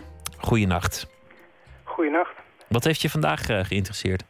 Het kopen van meubels. Was dat iets waar je zelf mee bezig was of, of las je een achtergrondartikel daarover? Ik las op uh, nu.nl dat er een nieuw onderzoek was gedaan naar hoe Nederlandse echtparen meubels kopen. En? Ruim 83% van de Nederlanders zegt onder ideale omstandigheden samen te beslissen over de aankoop van meubels, zegt het onderzoek. Maar bij meningsverschillen beslist de vrouw wat er aangeschaft wordt. Dat lijkt me ook verstandiger. Ja, dat zou je denken. In de, in de oude constellatie zou zij ook degene zijn die er het langst tegen aankeek. Maar dat is natuurlijk uh, al lang niet meer zo. Nee, dat, dat is ook zo. Maar, maar over het algemeen hebben vrouwen meer oog voor dingen in het algemeen. Meer oog voor dingen, ja. Want het uiterlijk van het uh, meubelstuk is inderdaad het belangrijkste, de staten. Want bijna de helft van de echtparen krijgt nog ruzie over de gewenste stijl van de meubels die ze willen kopen. Goh, maar waarom, waarom interesseerde dit jou plotseling en waarom, waarom was het nieuws? Ik vond het uh, interessant omdat dit een van die onderzoekjes is. Je leest voortdurend op die uh, internetsites dat er nieuw onderzoek is gedaan naar dit of naar dat. En ze zeggen nooit door wie het is gedaan en uh, hoe ze dat dan doen. Hebben ze dan mensen ondervraagd of hebben ze dan camera's opgehangen bij de IKEA of zo. Het zijn van die vage dingen. Uh, dat zijn van die dingen die je aan, aanklikt. Net als je lijstjes ziet van de tien beste films over Cosmos of zo. Weet je wel. Dat, zijn allemaal van die dingen. Het, het, het clickbait heeft geloof ik. En dit trof mij ook. Om, vooral vanwege dat zinnetje dat ze meer dan de helft, bijna de helft ruzie krijgen over de aankoop. Over de gewenste stijl van de meubels. En het raarste zinnetje vond ik nog. Bij het beslechten van meningsverschillen over de aanschaf van meubels... roept 4% de hulp van vrienden in. Van vrienden? Ja. Dan zegt ze, we willen een bank kopen, we kunnen het niet eens worden... nou ja. Precies, alsof ze een uh, hulplijn bellen. En, uh, nou, dat inspireerde mij tot... tot het verhaal. verhaal. Ik ben, ben benieuwd. Draag voor. Oké. Okay. Een pisgele bank heet het. Evelien aan de telefoon. Of ik thuis was. En of ik dan heel snel naar de Bits and Pieces kon komen. De meubelwinkel bij mij om de hoek. Waarom, vroeg ik. Nou, Bram was helemaal over de rooien. Zelf klonk ze ook niet echt ontspannen. Ik kende ze al jaren. Ongerust vroeg ik me af wat er aan de hand kon zijn. Ik trok mijn jas aan en haastte mij naar de winkel. Het bleek verdomme om een bank te gaan. Een grote driezitterbank met de kleur van verse urine. We wilden deze bank kopen, zei Evelien. Nee, jij wilde deze bank kopen, zei Bram. Jij toch ook? Niet toen ik hoorde dat ze hem alleen in donkergeel hadden. We wilden allebei deze bank kopen, zei Evelien tegen mij. En nu wil hij opeens niet meer. En ze hebben hem niet alleen in geel, ze hebben hem ook in roze. Ik ga godverdomme toch niet op een roze bank zitten, riep Bram. Dan nemen we toch die gele, riep Evelien. Bram riep tegen haar dat ze haar bek moest houden. Dat was Evelien niet van plan. En dat liet ze merken ook. Wild schreeuwend stonden ze tegenover elkaar. Ho, ho, ho, riep ik. Evelien en Bram hielden hun mond en keken me aan. Ze keken me niet zomaar aan. Ze keken me aan met een verwachtingsvolle blik. Alsof ze ervan uitgingen dat ik nu de functie zou gaan vervullen... waarvoor ze me achter mijn bureau vandaan hadden gerukt en hen zou gaan helpen met de oplossing van de kwestie die momenteel hun leven beheerste. Ik zou liegen als ik zei dat die kwestie mij bovenmatig interesseerde. Ik haalde een euro uit mijn broekzak en stak hem omhoog. Kijk, zei ik, zo gaan we het doen. Kop of munt. Als het kop is, zeg ik de vriendschap met jullie op. En als het munt is ook. Zo los je, los je dingen op. Zo los je ja, het, het, zijn, het zijn ook eigenlijk verschrikkelijke gebeurtenissen. Meubels kopen. Dat is eigenlijk. Ja, dat is, is toch iets. Dan, dan ja, ik, ik kan eigenlijk niet precies benoemen waarom ik er zo'n weerzin tegen heb. Maar de gedachte dat je een tafel koopt omdat je daar dan vervolgens aan gaat zitten. Ik weet niet, er gaat iets heel, uh, heel naars van uit, vind ik. Ik vind het altijd, het, het zijn nog wat hele bedragen. Daar word ik altijd nerveus van als ik grote bedragen moet uitgeven. Maar het zijn ook van die dingen van als je een miskoop doet, dan zie je het ook staan natuurlijk de komende tien jaar. Dus dat is, uh... Ja, maar misschien ook omdat er in meubels zo weinig beweging zit. Als je een reis koopt, er zit beweging in. Een auto, er zit beweging in. Kleren doe je aan je lijf. Dat lijf zou eventueel kunnen bewegen. Maar een, een bank, die staat daar maar. Ja. Zonder van je geld. Jij zit liever op de vloer. Nee, ja, ik, ik, bedoel, ik ontken niet dat ik een bank heb. Maar dat, ja, ja ik weet niet. Er zou eigenlijk zo min mogelijk moeten opvallen dan als je toch staat. Dan, uh... Dit gaat nergens naartoe. Ik weet niet, ik, ik moet, er, moet er eens over nadenken. Dan zal ik er hele uitgesponnen gedachten over hebben. Maar ik benoemde gewoon heel hedendaags een keer mijn onderbuikgevoel. En mijn onderbuikgevoel is meubels deugen niet. Het leidt weer nergens toe. Rob, dank je wel voor je verhaal. Morgen doen we het beter. En uh, dan, doen, doen, dan zal ik iets zinnigs zeggen. En uh, dank voor je mooie verhaal. En uh, een goede nacht. Goeienacht. Tot morgen. We gaan uh, muziek draaien van bands die op Lowlands uh, staan. Dat doen we de hele week. Ook de Duitse groep Milky Chance hadden onverwachts een hitje. En dat hitje gaan we nu draaien heet Stolen Dance.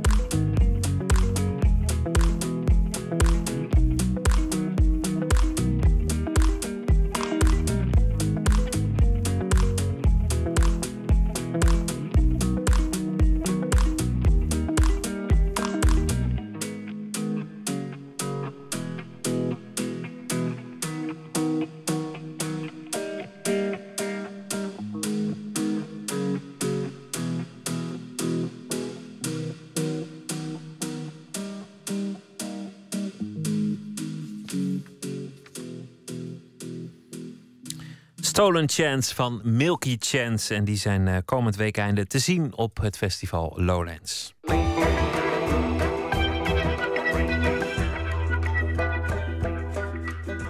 Een legendarisch nummer, The Times They Are A Changing, 50 jaar geleden. Het betekende de definitieve doorbraak van Bob Dylan, maar het werd ook het liedje dat kenmerkend werd voor een heel tijdperk, de jaren 60.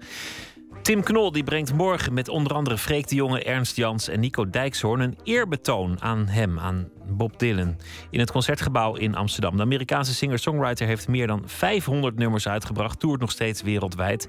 En ondanks dat enorme oeuvre blijft het fenomeen Dylan voor velen ongrijpbaar. In de aanloop naar dit eenmalig concert ontmoeten onze verslaggever Nicole Terborg Tim Knol en Nico Dijkshoorn in Hilversum.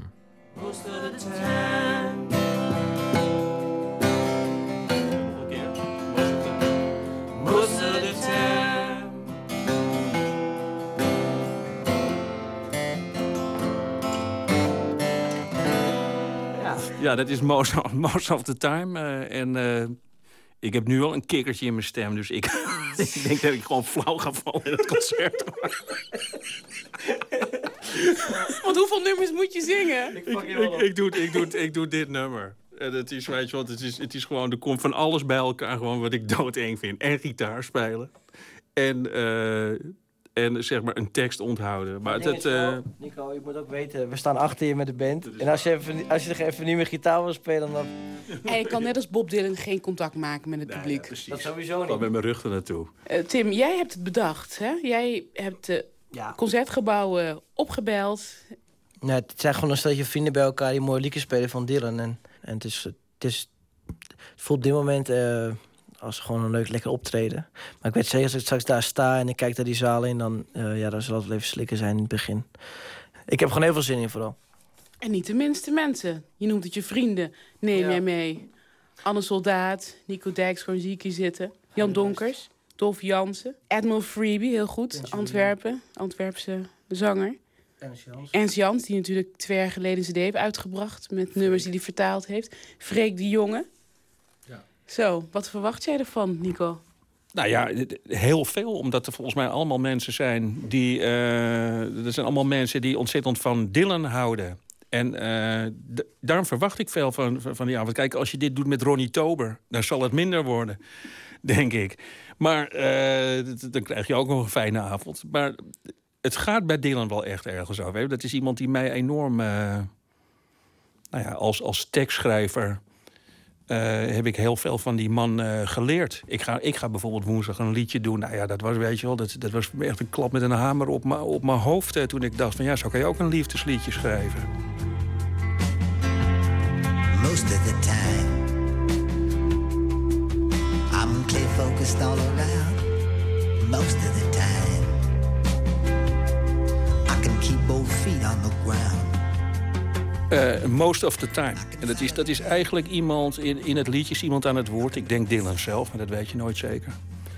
Is iemand aan het woord die eigenlijk een heel liedje lang stamelt. Uh, dat hij eigenlijk nooit meer aan zijn ex denkt. En dat betekent dus altijd. Dus dacht ik, ja, dat is, dat is zo geniaal. Want weet je, iedereen bijna die een liefdesliedje gaat zingen... die zingt gewoon, ik mis je, mis je daarom, ik zie je tandenborstel.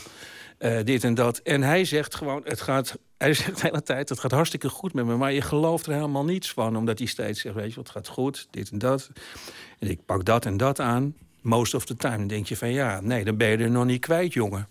Dus dat vond ik, uh, dat weet je, textueel. En zo, nou, daar kan je er gewoon wel veertig van aanwijzen. Van dat soort liedjes. Dat ik denk van, allemachtig, man. Het is gewoon een groot denker en groot schrijver. Ik ben bij Dylan toch minder op teksten aan het letten eigenlijk. Ja, de oude liedjes, eh, de folkliedjes, dat vind ik, vind ik de tekst wel heel belangrijk. Maar eh, van die middenperiode, midden jaren 60, dan vind ik de muziek juist wel interessant worden. Wat hij dan uh, melodieus ook uithaalt. Qua like Rolling Stone is gewoon dat blijft zo goed hangen in ieders geheugen dat is zo'n zo'n goed geschreven melodie maar ja ik ben ik moet heel bekennen ik ben echt minder van ik, ik vind teksten voor mezelf heel belangrijk maar als ik naar Dylan luister is, is het meer de melodie die blijft hangen dan de teksten. Nou, ik vind dat zo'n goed voorbeeld, bijvoorbeeld is Maggie's Farm. Dat vind ik zo'n liedje, dat ga ik ook doen woensdag. En dat is een ontzettend... Uh, dat zingt hij zo ongelooflijk intens. En het rokt zo. Het is een bootleg versie verschenen. Misschien kan een stuk laten horen. Uh, um, een, bootleg, een bootleg van een hele ruige, ruige Bob Dylan.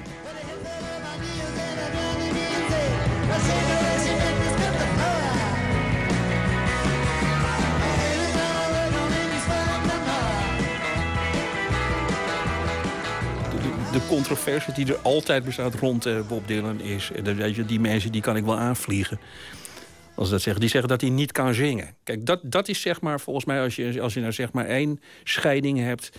Uh, in, in, in, in mensen die wel en niet van Dylan houden... dat is het vaak. We zitten de laatste jaren constant, constante discussie... hij kan niet meer zingen. Maar ja, weet je wel... Ik luister, naar zijn, ik luister naar zijn laatste plaat. Die man begint te zingen. Hij zingt drie zinnen. En, en, en, en ik schiet vol. Dus dan kan je dus wel zingen. Heel goed zingen, dat is voor mij uh, niet, niet, niet vals zingen. Dat is iemand raken. En het belangrijkste van dat hij nog steeds optreedt... is omdat hij het zelf denk ik heel erg leuk vindt. Hij vindt het fantastisch volgens mij om op een podium te staan. Anders doe je het niet. Dus er was in Nederland vorig jaar best wel veel kritiek... waarom moet Bob Dylan nog steeds optreden. En toen werd ik, moest ik ook elke keer dat weer gaan uitleggen van... ja, maar die man heeft er gewoon lol in. Laat hem lekker. Wie zijn wij dan te zeggen... jij mag niet meer op het podium staan omdat je niet meer goed kan zingen?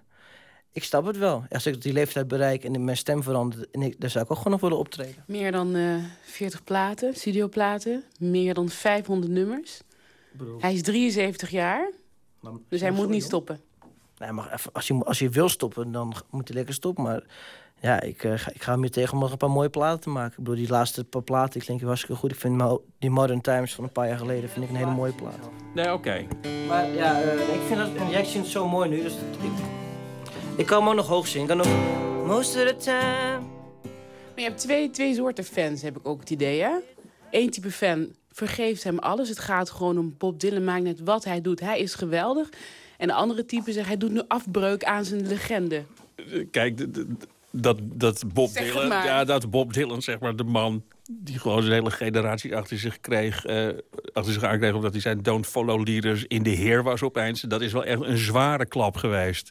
En dat vind ik ook. Ik heb hem wel, in die tijd heb ik hem ook, vond ik het ook niet te harde. Ik vind dat daar ook mee gewoon bewezen is dat zodra een popartiest heel erg in God gaat geloven, dat het taalcentrum ook wordt geraakt zijn teksten storten voorkomen in. Weet je? Het is eendimensionaal. Hij, hij, hij houdt van de Heer. Het is echt. Ja, het is geen metaforen meer. Het is geen. Het is valt textueel en ook zelfs wel muzikaal. Valt er gewoon uh, weinig te genieten. En dat, is, dat loopt voor mij bijna precies gelijk aan zijn periode dat hij echt heel. Weet je wel, dat, dat, dat, dat hij echt gewoon aan het preken was. Mensen noemen hem ongrijpbaar, begrijpen hem niet. Begrijp je hem? Nee, maar ik wil hem, wil hem ook niet begrijpen verder. Het, het, maakt me niet zo veel uit hoe hij als persoon is of zo. Als hij, als hij maar gewoon mooie liedjes schrijft. En ik snap wel dat je als je zo beroemd ook, bent... Ook qua zijn oeuvre, dat gaat ook alle kanten uit, toch? Ja, dat is toch een goed ding juist. Ik bedoel, elke plaat van Dylan heeft ook een soort eigen geluid. Ja, vooral in de jaren 60 heeft hij zoveel verschillende geluiden laten horen. En dan eindigt dat in 1970 met New Morning. Dat is 69, net zoals Skyline nog. Heeft een hele andere stem ook opeens. Ja, ik vind het juist prachtig dat, dat geen één plaat hetzelfde is. Alles is anders. Zelfs die eerste twee platen, die eerste folkplaat en dan de Free Willing, die klinken al anders. En dan hoor je ook heel veel hoe snel hij uh, beter wordt in liedjes schrijven. Ik, ik, begrijp hem wel. Zeker in zijn drang om. Uh, wat Tim ook net zegt, gewoon, ik vind het heel verfrissend omdat hij gewoon eigenlijk het publiek nooit wil nooit wil geven wat ze nog tien jaar willen. Snap je? Gewoon, dan ben je als artiest ook dood. Dat, eh, ik, ik, ik, hoop dat Tim dat onderschrijft. Eh, kijk, Tim die kan nog gewoon wel eh, twaalf jaar dezelfde platen blijven maken. Maar op een gegeven moment wil je toch je, je, ontwikkelen. En bij hem is dat heel rigide. Hè? Gewoon, hij, hij is gewoon wel gewoon twee keer of drie keer in zijn carrière... echt knijterhard gewoon de kant op gegaan. Weet je wel, waar, niemand hem, waar niemand hem wilde zien. Dus gewoon, het, het was, hij was dus gewoon net binnengehaald als de, de, de verlosser van de folkscene, in de folkscene. En dan ging hij keihard elektrisch. Werd, de Judas, je kent het wel, die beroemde beelden. Judas werd er geroepen, mensen woedend de zaal uit. Nou, vier jaar later stond iedereen weer elektrisch te spelen. Ging hij weer gewoon expres akoestisch. Dus het is, ik, ik vind dat die dwarsigheid... en gewoon constant denken van het wordt te makkelijk... ik ga de andere kant op, daar houd ik wel heel erg van.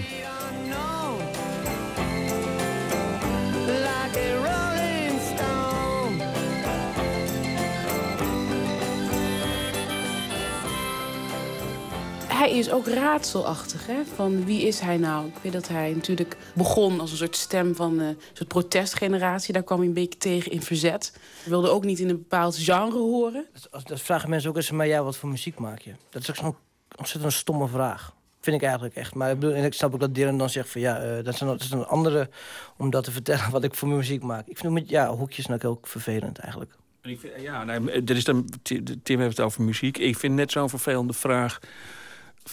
Kijk, als je het over Lou Reed hebt bijvoorbeeld... en Dylan, die voor mij echt gewoon op eenzame hoogte staan... Uh, als je daar constant moet je voorstellen, die keren gewoon iedere keer hun hele lijfbindels te buiten. In ieder liedje uh, zit, uh, gooien ze, leggen ze je, hun hart in je hand. Eigenlijk, zo voelt het. En dan komt er een interviewer uit België bijvoorbeeld binnen... en die zegt, wat bedoel je met zo van... Die gaat weer beginnen over uh, Andy Warhol van 40 jaar geleden. Of weet je nog dat je toen elektrisch ging spelen, Bob? Daar is die man helemaal niet meer mee bezig. En dat, ik vind gewoon bij, bij, zo'n artiest als hij, weet je, is volkomen legaal als hij zegt... het zit in mijn liedjes, luister ernaar en dan weet je wat ik vind.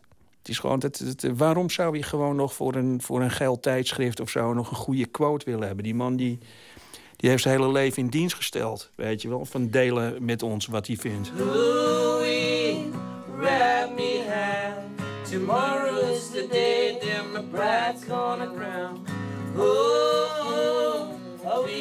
Gonna fly down in the easy chair? Ja, ik heb hem een paar keer live gezien en het is eigenlijk altijd wel. Ik vind het heel, ik vind het heel leuk om te zien. Het klinkt een beetje, een beetje, een beetje dom te zeggen dat het leuk was, maar het was niet echt heel erg goed of zo dat was leuk.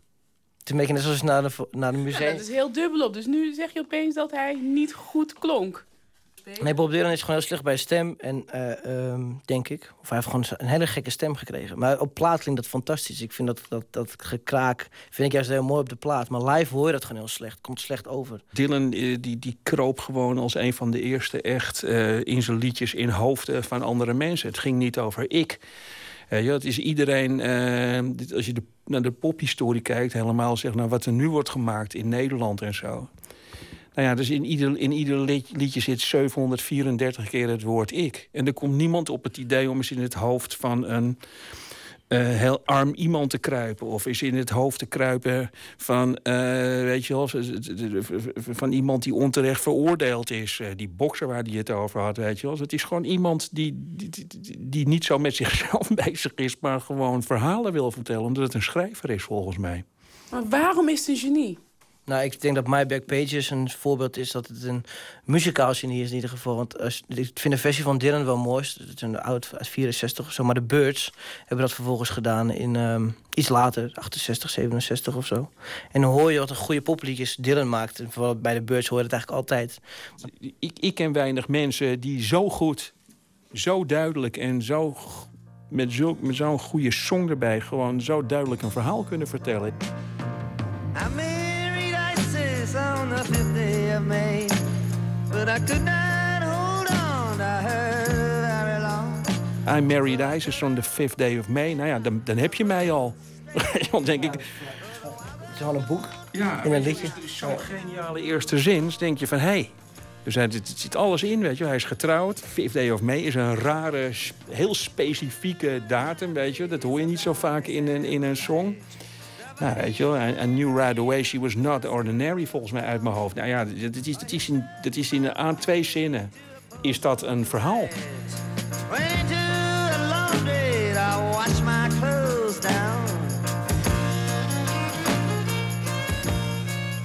Wat gaat er gebeuren woensdag? Voor mij rond de 25 liedjes op de setlijst. En wat we willen doen is... De eerste set is volledig akoestisch. Tenminste akoestisch, zonder band. Dus uh, heel erg intiem. En de tweede set gaan we ook wel rocken. En uh, gaan we het concertgebouw even uh, op zijn kop zetten. If you're traveling in a North Country Fair The wind hits heavy on the borderline Remember me to one who lives there. And she once was a true love of mine. Tim Knol and Friends, a tribute to Bob Dylan. Morgenavond dus te zien in het Concertgebouw in Amsterdam.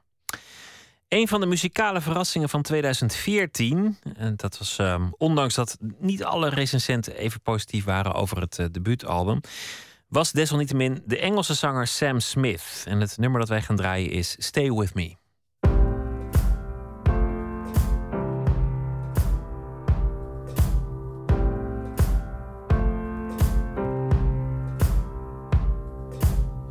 Guess it's true, I'm not good at a. But I still need love, cause I'm just a man. These nights never seem to go to plan. I don't want you to leave, will you hold my hand? Oh, won't you stay with me? Cause you're all.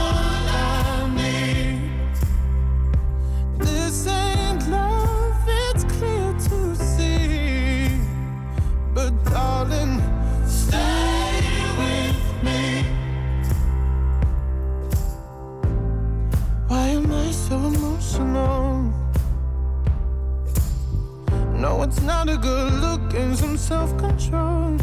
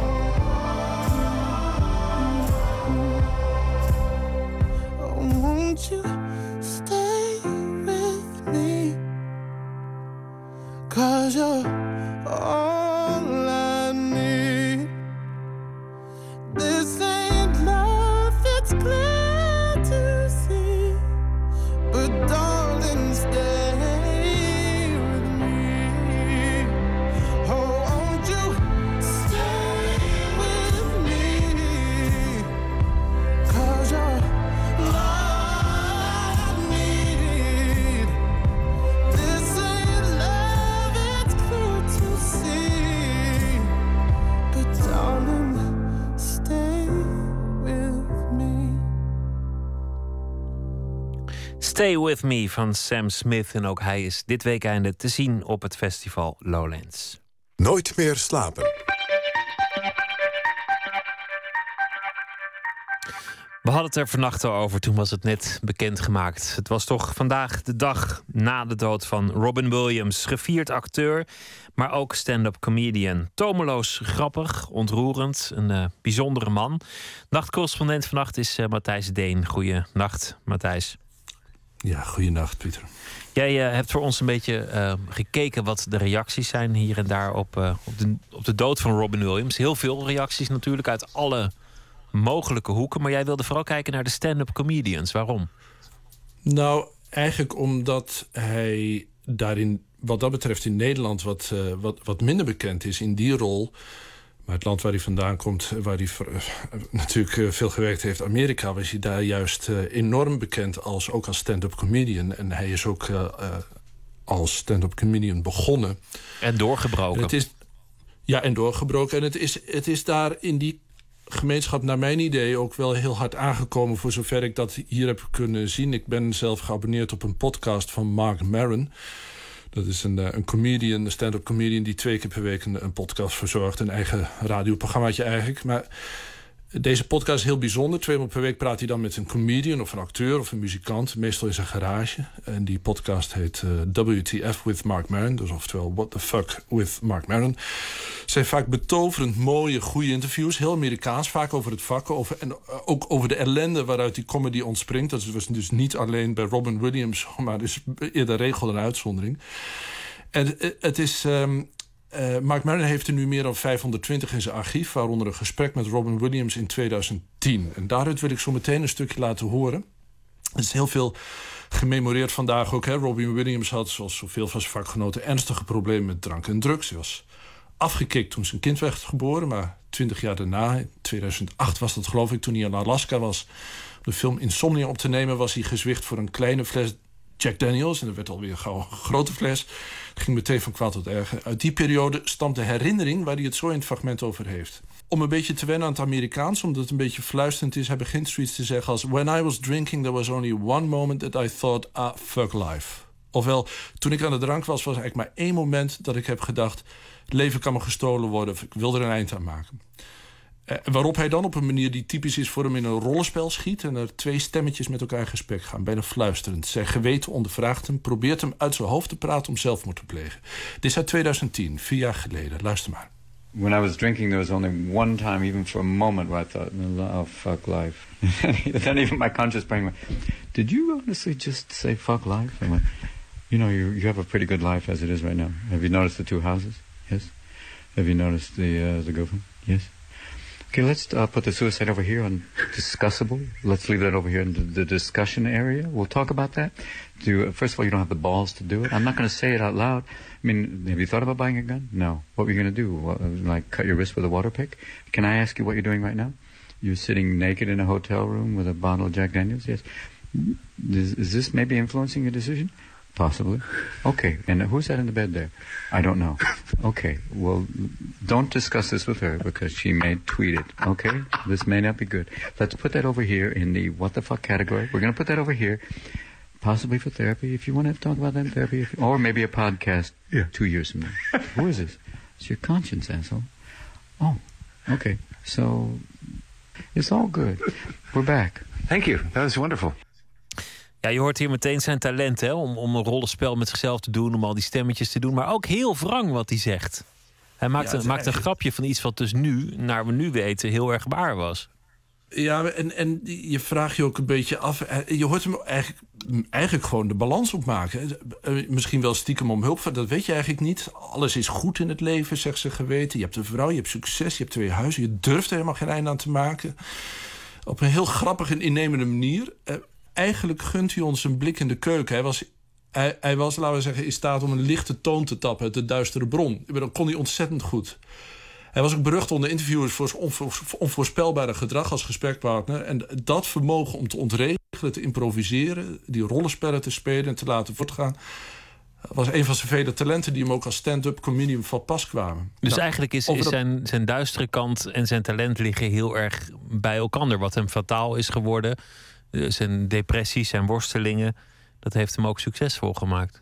Ja, eigenlijk wel. Dat, dat zie je, dat is zoals gezegd eerder regel de uitzondering. Eh, bij eh, comedians krijg je wel eens de indruk als je, als je interviews met ze hoort.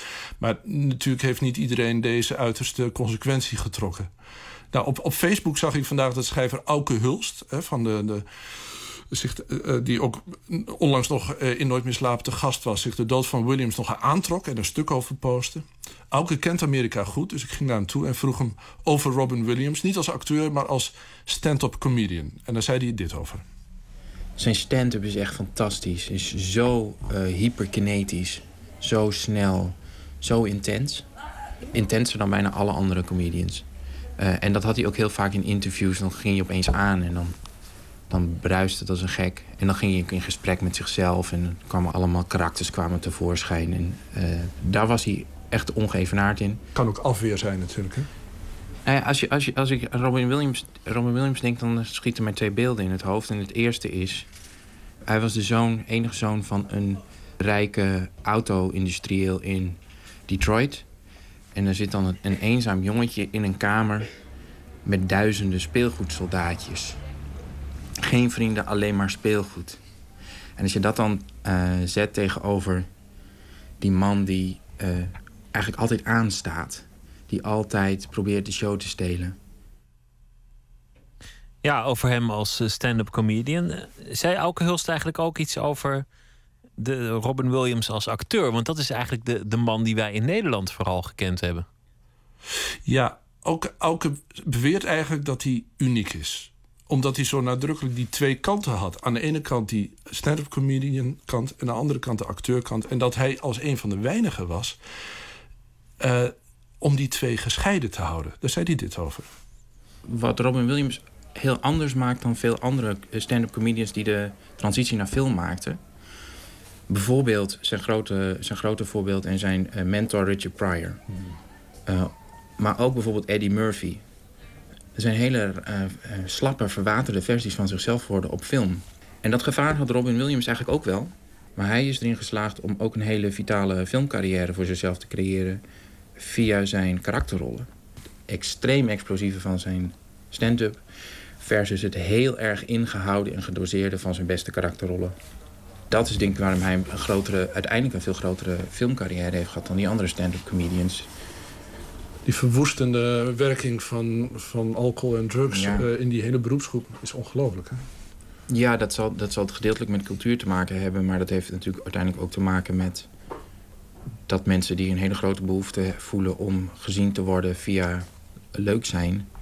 Eh, daar zit vaak heel veel uh, beschadiging onder. Dat zie je ook bij iemand als Peter Cook bijvoorbeeld. Die zichzelf heeft doodgezopen. En eigenlijk een heel depressief iemand was Stephen Fry. Iemand die die bipolair is en heel depressief vaak. Dat grote talent wordt toch ook wel gevoed door een fikse beschadiging vaak. Een uh, waarschijnlijk ware en wrange observatie van, uh, van Auke Hulst. Matthijs Deen, dankjewel. Een uh, droef bericht was het vannacht. En de hele dag stond nog wel een teken van de dood van, van Robin Williams. Dankjewel, goeienacht. Ja, goeienacht Pieter. Uit Mali komt de muzikant Basekou Koyate. Vorig jaar bracht hij een album uit samen met zijn band Ngoni Ba.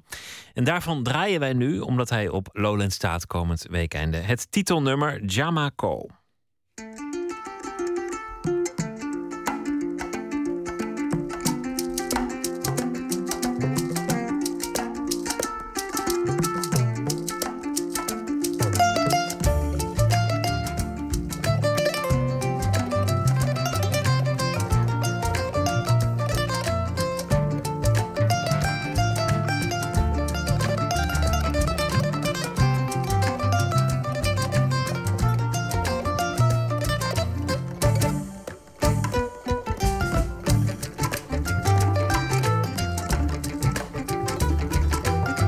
chamaco.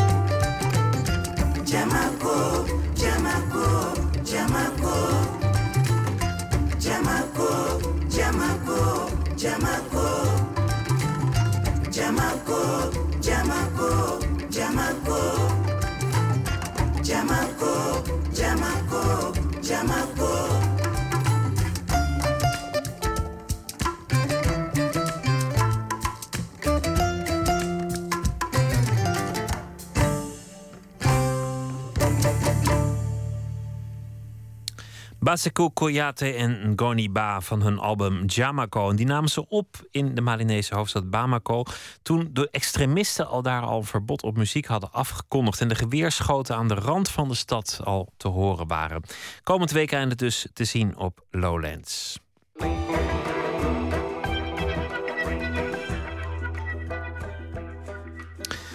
Deze maand herhalen we wonderlijke verhalen die eerder werden uitgezonden in het VPRO-radioprogramma Plots. Het thema was de diagnose en het medicijn.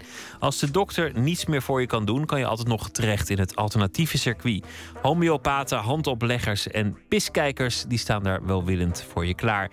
Maar er is ook nog een derde weg waar geen behandelaar aan te pas komt. Luister naar nummer 35, Ondergaande Zonzee. Een verhaal gemaakt door Prosper de Roos. Gaat het? Uh, even kijken, ik kan er zo af. Hé, wat zit erop? Hey, daar zit een oud etiket. En dan is het eigenlijk een beetje losgepeuterd.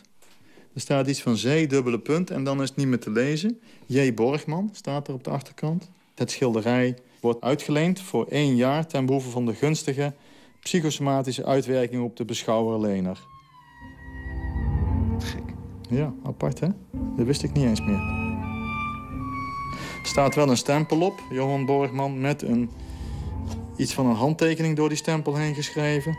En nog een nummer, nummer 35, genaamd Ondergaande Zonzee.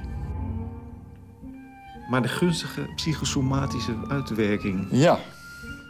Ja. Het ziet er wel gebruikt uit. Johan Borgman was een schilder die alleen maar zeegezichten heeft geschilderd. Hij was overtuigd dat een schilderij meer kan doen dan alleen maar hangen. Florie heeft Borgman persoonlijk gekend. De eerste keer dat ik hem ontmoette was ik... Nou, ik denk dat ik toen zes, zeven was. Ik was met mijn grootmoeder. Ja, zij ging altijd naar meneer Borgman... en dan ging ze even versterkende krachten halen. En dan mocht ik dus mee, want wij woonden, mijn broer en ik woonden bij mijn grootmoeder. En dan gingen we naar Amsterdam. Er was een trap, die ging naar boven... en rechts van die trap hingen al die schilderijen. Dus wij gingen die trap op en af, we keken daarna. Zonsondergang op zee met wolkenbank, eenzaamheid, voorjaarszee, mystieke sfeer, rustige maannacht. Johan Borgman is in 1976 overleden en heeft talloze zeegezichten nagelaten. Wim Kramer beheert een archief met een groot aantal schilderijen. Ik zal het licht ook even aandoen. Nou ja, hier hangen een paar schilderijen gewoon in, in, in het kantoor. En sommige van zijn schilderijen zijn heel licht, met lichte kleuren, lichte, eh, bijna vrolijk te noemen. En, dit is, en er zijn ook een aantal schilderijen die echt heel donker, heel somber, echt doods zijn. Maar het zijn allemaal paneeltjes. Gewoon een dik houten paneeltje uit, uit een kast. Ja. Een oude kast die hij gesloopt heeft of gekregen heeft. Eh, Veel mensen die hier komen, die raken er echt heel geëmotioneerd van. Dat, eh, dat is opmerkelijk. Hè? Die, Verbaas je dat? Nou, de eerste keer wel, ja. Was iemand die, die kwam dan, en, of die, die, die was hier en die begon daar toch, ja, leggen we zeg maar, uitermate geëmotioneerd op te reageren. Mij ook allemaal vragen te stellen en dingen waar, ik ook niet wist wat ik ermee moest. Maar het merkwaardig is dat bijna iedereen dat heeft. Ik ben er inmiddels aan gewend, maar het, het- laat ik zo zeggen, dat was pas nadat de vijfde het deed. De zeegezichten laten altijd een lege zee zien met wolkenlucht, zon of maan. Nooit is er een schip of een levend wezen te bekennen. Een onbekend aantal hangt bij mensen thuis. Zoals bij Hans van Berlo. Het was eh, eigenlijk een puur toeval. In Felixoord in Oosterbeek kwam ik zijn schilderijen tegen op een expositie. Er waren enkele schilderijen, daar herkende ik iets in. Ik zag daar, uh, ja, heel raar. Ik, ik, ben daar normaal helemaal niet mee bezig. Maar ik zag daar in die, in die sluierbewolking voor die zon... ik zag daar eigenlijk een, een soort van een engel in. Ja, dat sprak mij heel erg aan. Ten meer omdat we ja, thuis met mijn vrouw uh, in een moeilijke situatie zaten. was heel erg ziek. En ze lag eigenlijk... Uh, ze was bezig met een hele zware uh, voorbereidende be behandeling voor een stamceltransplantatie. De kans is aanwezig dat je het niet overleeft. Ja, je, je hebt periodes gehad dat je op internet gaat zoeken... en alles gaat afstruinen wat er maar, uh, wat er maar te vinden is op dit gebied. En wat er aan behandelingen zijn. Want als je vandaag hoort dat je een levensbedreigende ziekte hebt... dan wil je dat er liefst vandaag of morgen wat aan gebeurt. Dus je gaat zelf ook zoeken. Je gaat zoeken naar alternatieve wegen. Mystieke sfeer, stralend lichtgroep, een warme dag, kabbelende golven. Het was wel heel, heel veel schilderijen aan de trap. Naderend onweer. En dan zei mijn grootmoeder, ja, die schilderijen zijn helend. En dan zeiden wij bij onszelf, ja oma, het zal wel, weet je. Atlantische Oceaan. Florie heeft haar twijfels over de genezende werking. Haar oma echter heeft een aantal zeegezichten van Borgman gekocht. Toen mijn grootmoeder stierf, kreeg ik die schilderijen. Ik heb ze wel een tijdje opgehangen. Wacht even. Ja, ik heb ze zeker. Ik heb ze een hele tijd zelfs opgehangen. Totdat iemand zei, mag ik die van je lenen? En toen dacht ik, helemaal goed. En die zei dat het een helende werking had. Dus die hingen dan bij mensen die ene had uh, huwelijksproblemen en was een zak en as. En mijn tante was stervende. En die vond het heerlijk om dat schilderij om haar heen te hebben.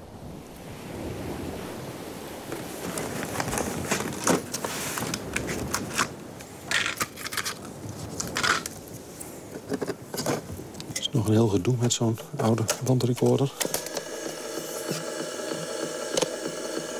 Nou, maar even kijken of er... Uh geluid uitkomt. Het bandje is opgenomen in 1968 bij de opening van een uh, schilderijententoonstelling bij Borgman Thuis. We hebben de band nooit gehoord. Het ligt al jaren in het archief. Gaarne wil ik enige woorden door u spreken. Dit is Borgman. Een bekend kunstgieters en kunstschilder noemde mijn schilderij bezield. Volgens andere psychische en intuïtief ingestelde mensen werden mijn schilderijen doorstraald van trillingen hij spreekt er dan over dat zijn schilderijen als het ware geladen zijn met energie. En dat met name mensen die uh, ziek zijn... die energie weer uit dat schilderij kunnen halen... wat ten gunste komt van genezing. Hij is uh, begonnen als dichter. Maar hij is op een gegeven moment verhuisd naar Den Haag. Heeft daar een tijdje als ambtenaar gewerkt. En is toen opeens van de een op de andere dag naar Amsterdam vertrokken is een praktijk begonnen als uh, natuurgenezer. Is gaan schilderen. dus het was een verbinding tussen zijn werk als natuurgenezer... en ja, toch een soort kunstzinnige uiting. Een schilderij op recept, kunst als medicijn. Borgman produceerde soms een aantal werken per dag. Flori herinnert zich zijn natuurgenezerspraktijk ik weet het nog precies, ging, kwam je naar binnen en er was een wachtkamer en die zat altijd barstensvol. Allerlei soort mensen. Mensen, ik, ik herinner me nog mensen met hele grote handen en mensen met hoeden op. Maar grote handen? Maar grote handen, dat, ja, uh, hoe noem je dat, arbeiders. En dan kwam je bij meneer Borgman en dat was een hele reizige persoon met een uh, hoornenbril, golvend, een beetje golvend haar. En een heel vriendelijk mens. En in zijn praktijkkamer, dan waren daar verschillende dingen. Er was een lamp, spiraalachtige lamp. En dat maakte ook een soort lawaai, een soort... Meh. Daar moest je voor zitten. En je moest ook in de apenkooi. En de apenkooi was een hokje. En dan moest je erin, dan ging het deurtje dicht. En dan ging er ook een soort... Ja, dat was berglucht, volgens mijn grootmoeder. En dan ging ik op een stoel zitten en dan deed meneer Borgman zijn handen op mijn schouders. En dan gaf hij mij goede energie. En dan was, het, uh, was ik klaar. Uiteindelijk heeft Borgman meer dan 400 zeegezichten geschilderd. die in zijn woorden allemaal helend zijn. Maar wat is de uitwerking? Ja, het hangt tegenover de bank. De zee is kalm. Maar de kleuren die zijn eh, best, eh, best fel. De, de zee als element is natuurlijk eh, een enorme kracht die op je overkomt. Het is altijd op vakantie als je, als je bij een zee komt... en je gaat over een duin heen of de, de weg volg je totdat je ineens de zee ziet... dan gaat er echt een wereld voor je open, dat wel, dat moment.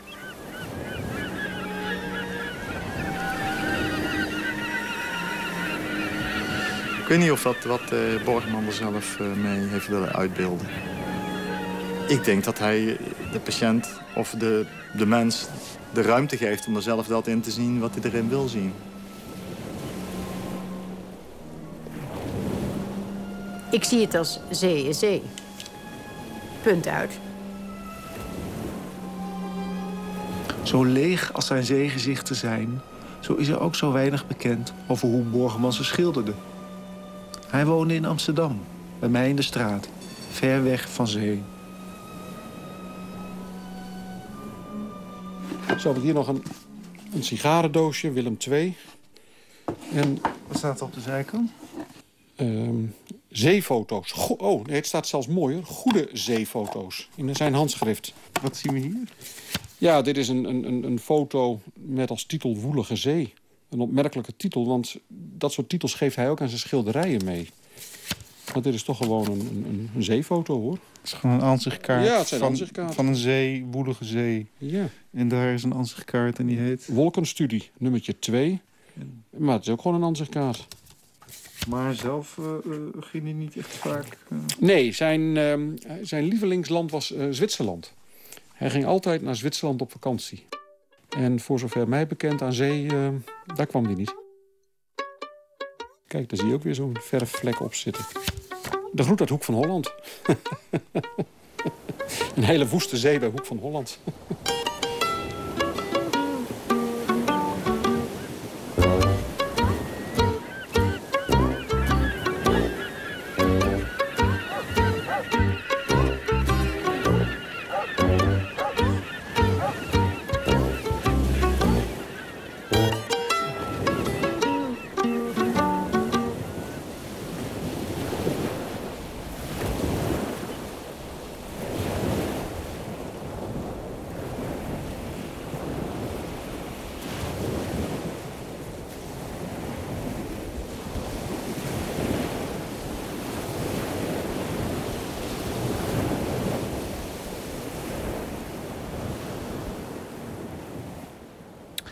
Nummer 35, Ondergaande Zon Zee. Een verhaal gemaakt door Prosper de Roos voor de radioreeks Plots.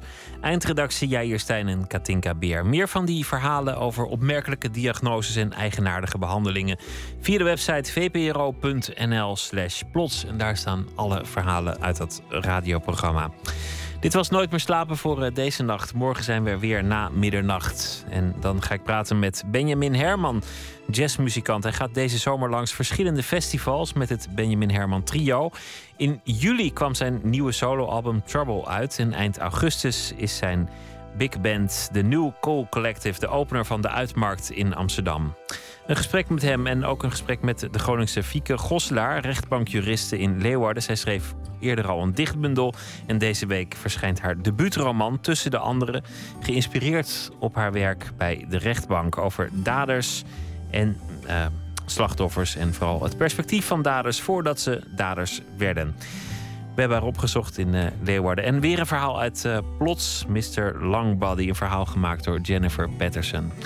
Via Twitter, @vpro_nms of via de mail nooitmeerslapen.vpro.nl als u iets eh, eh, aan ons wilt toestoppen.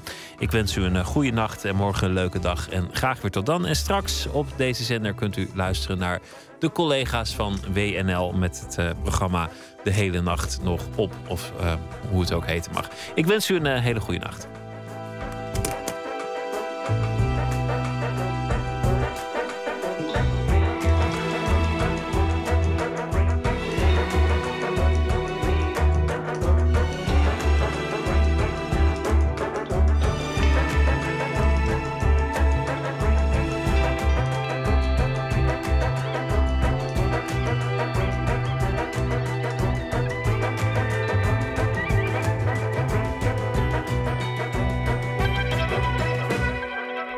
Radio 1.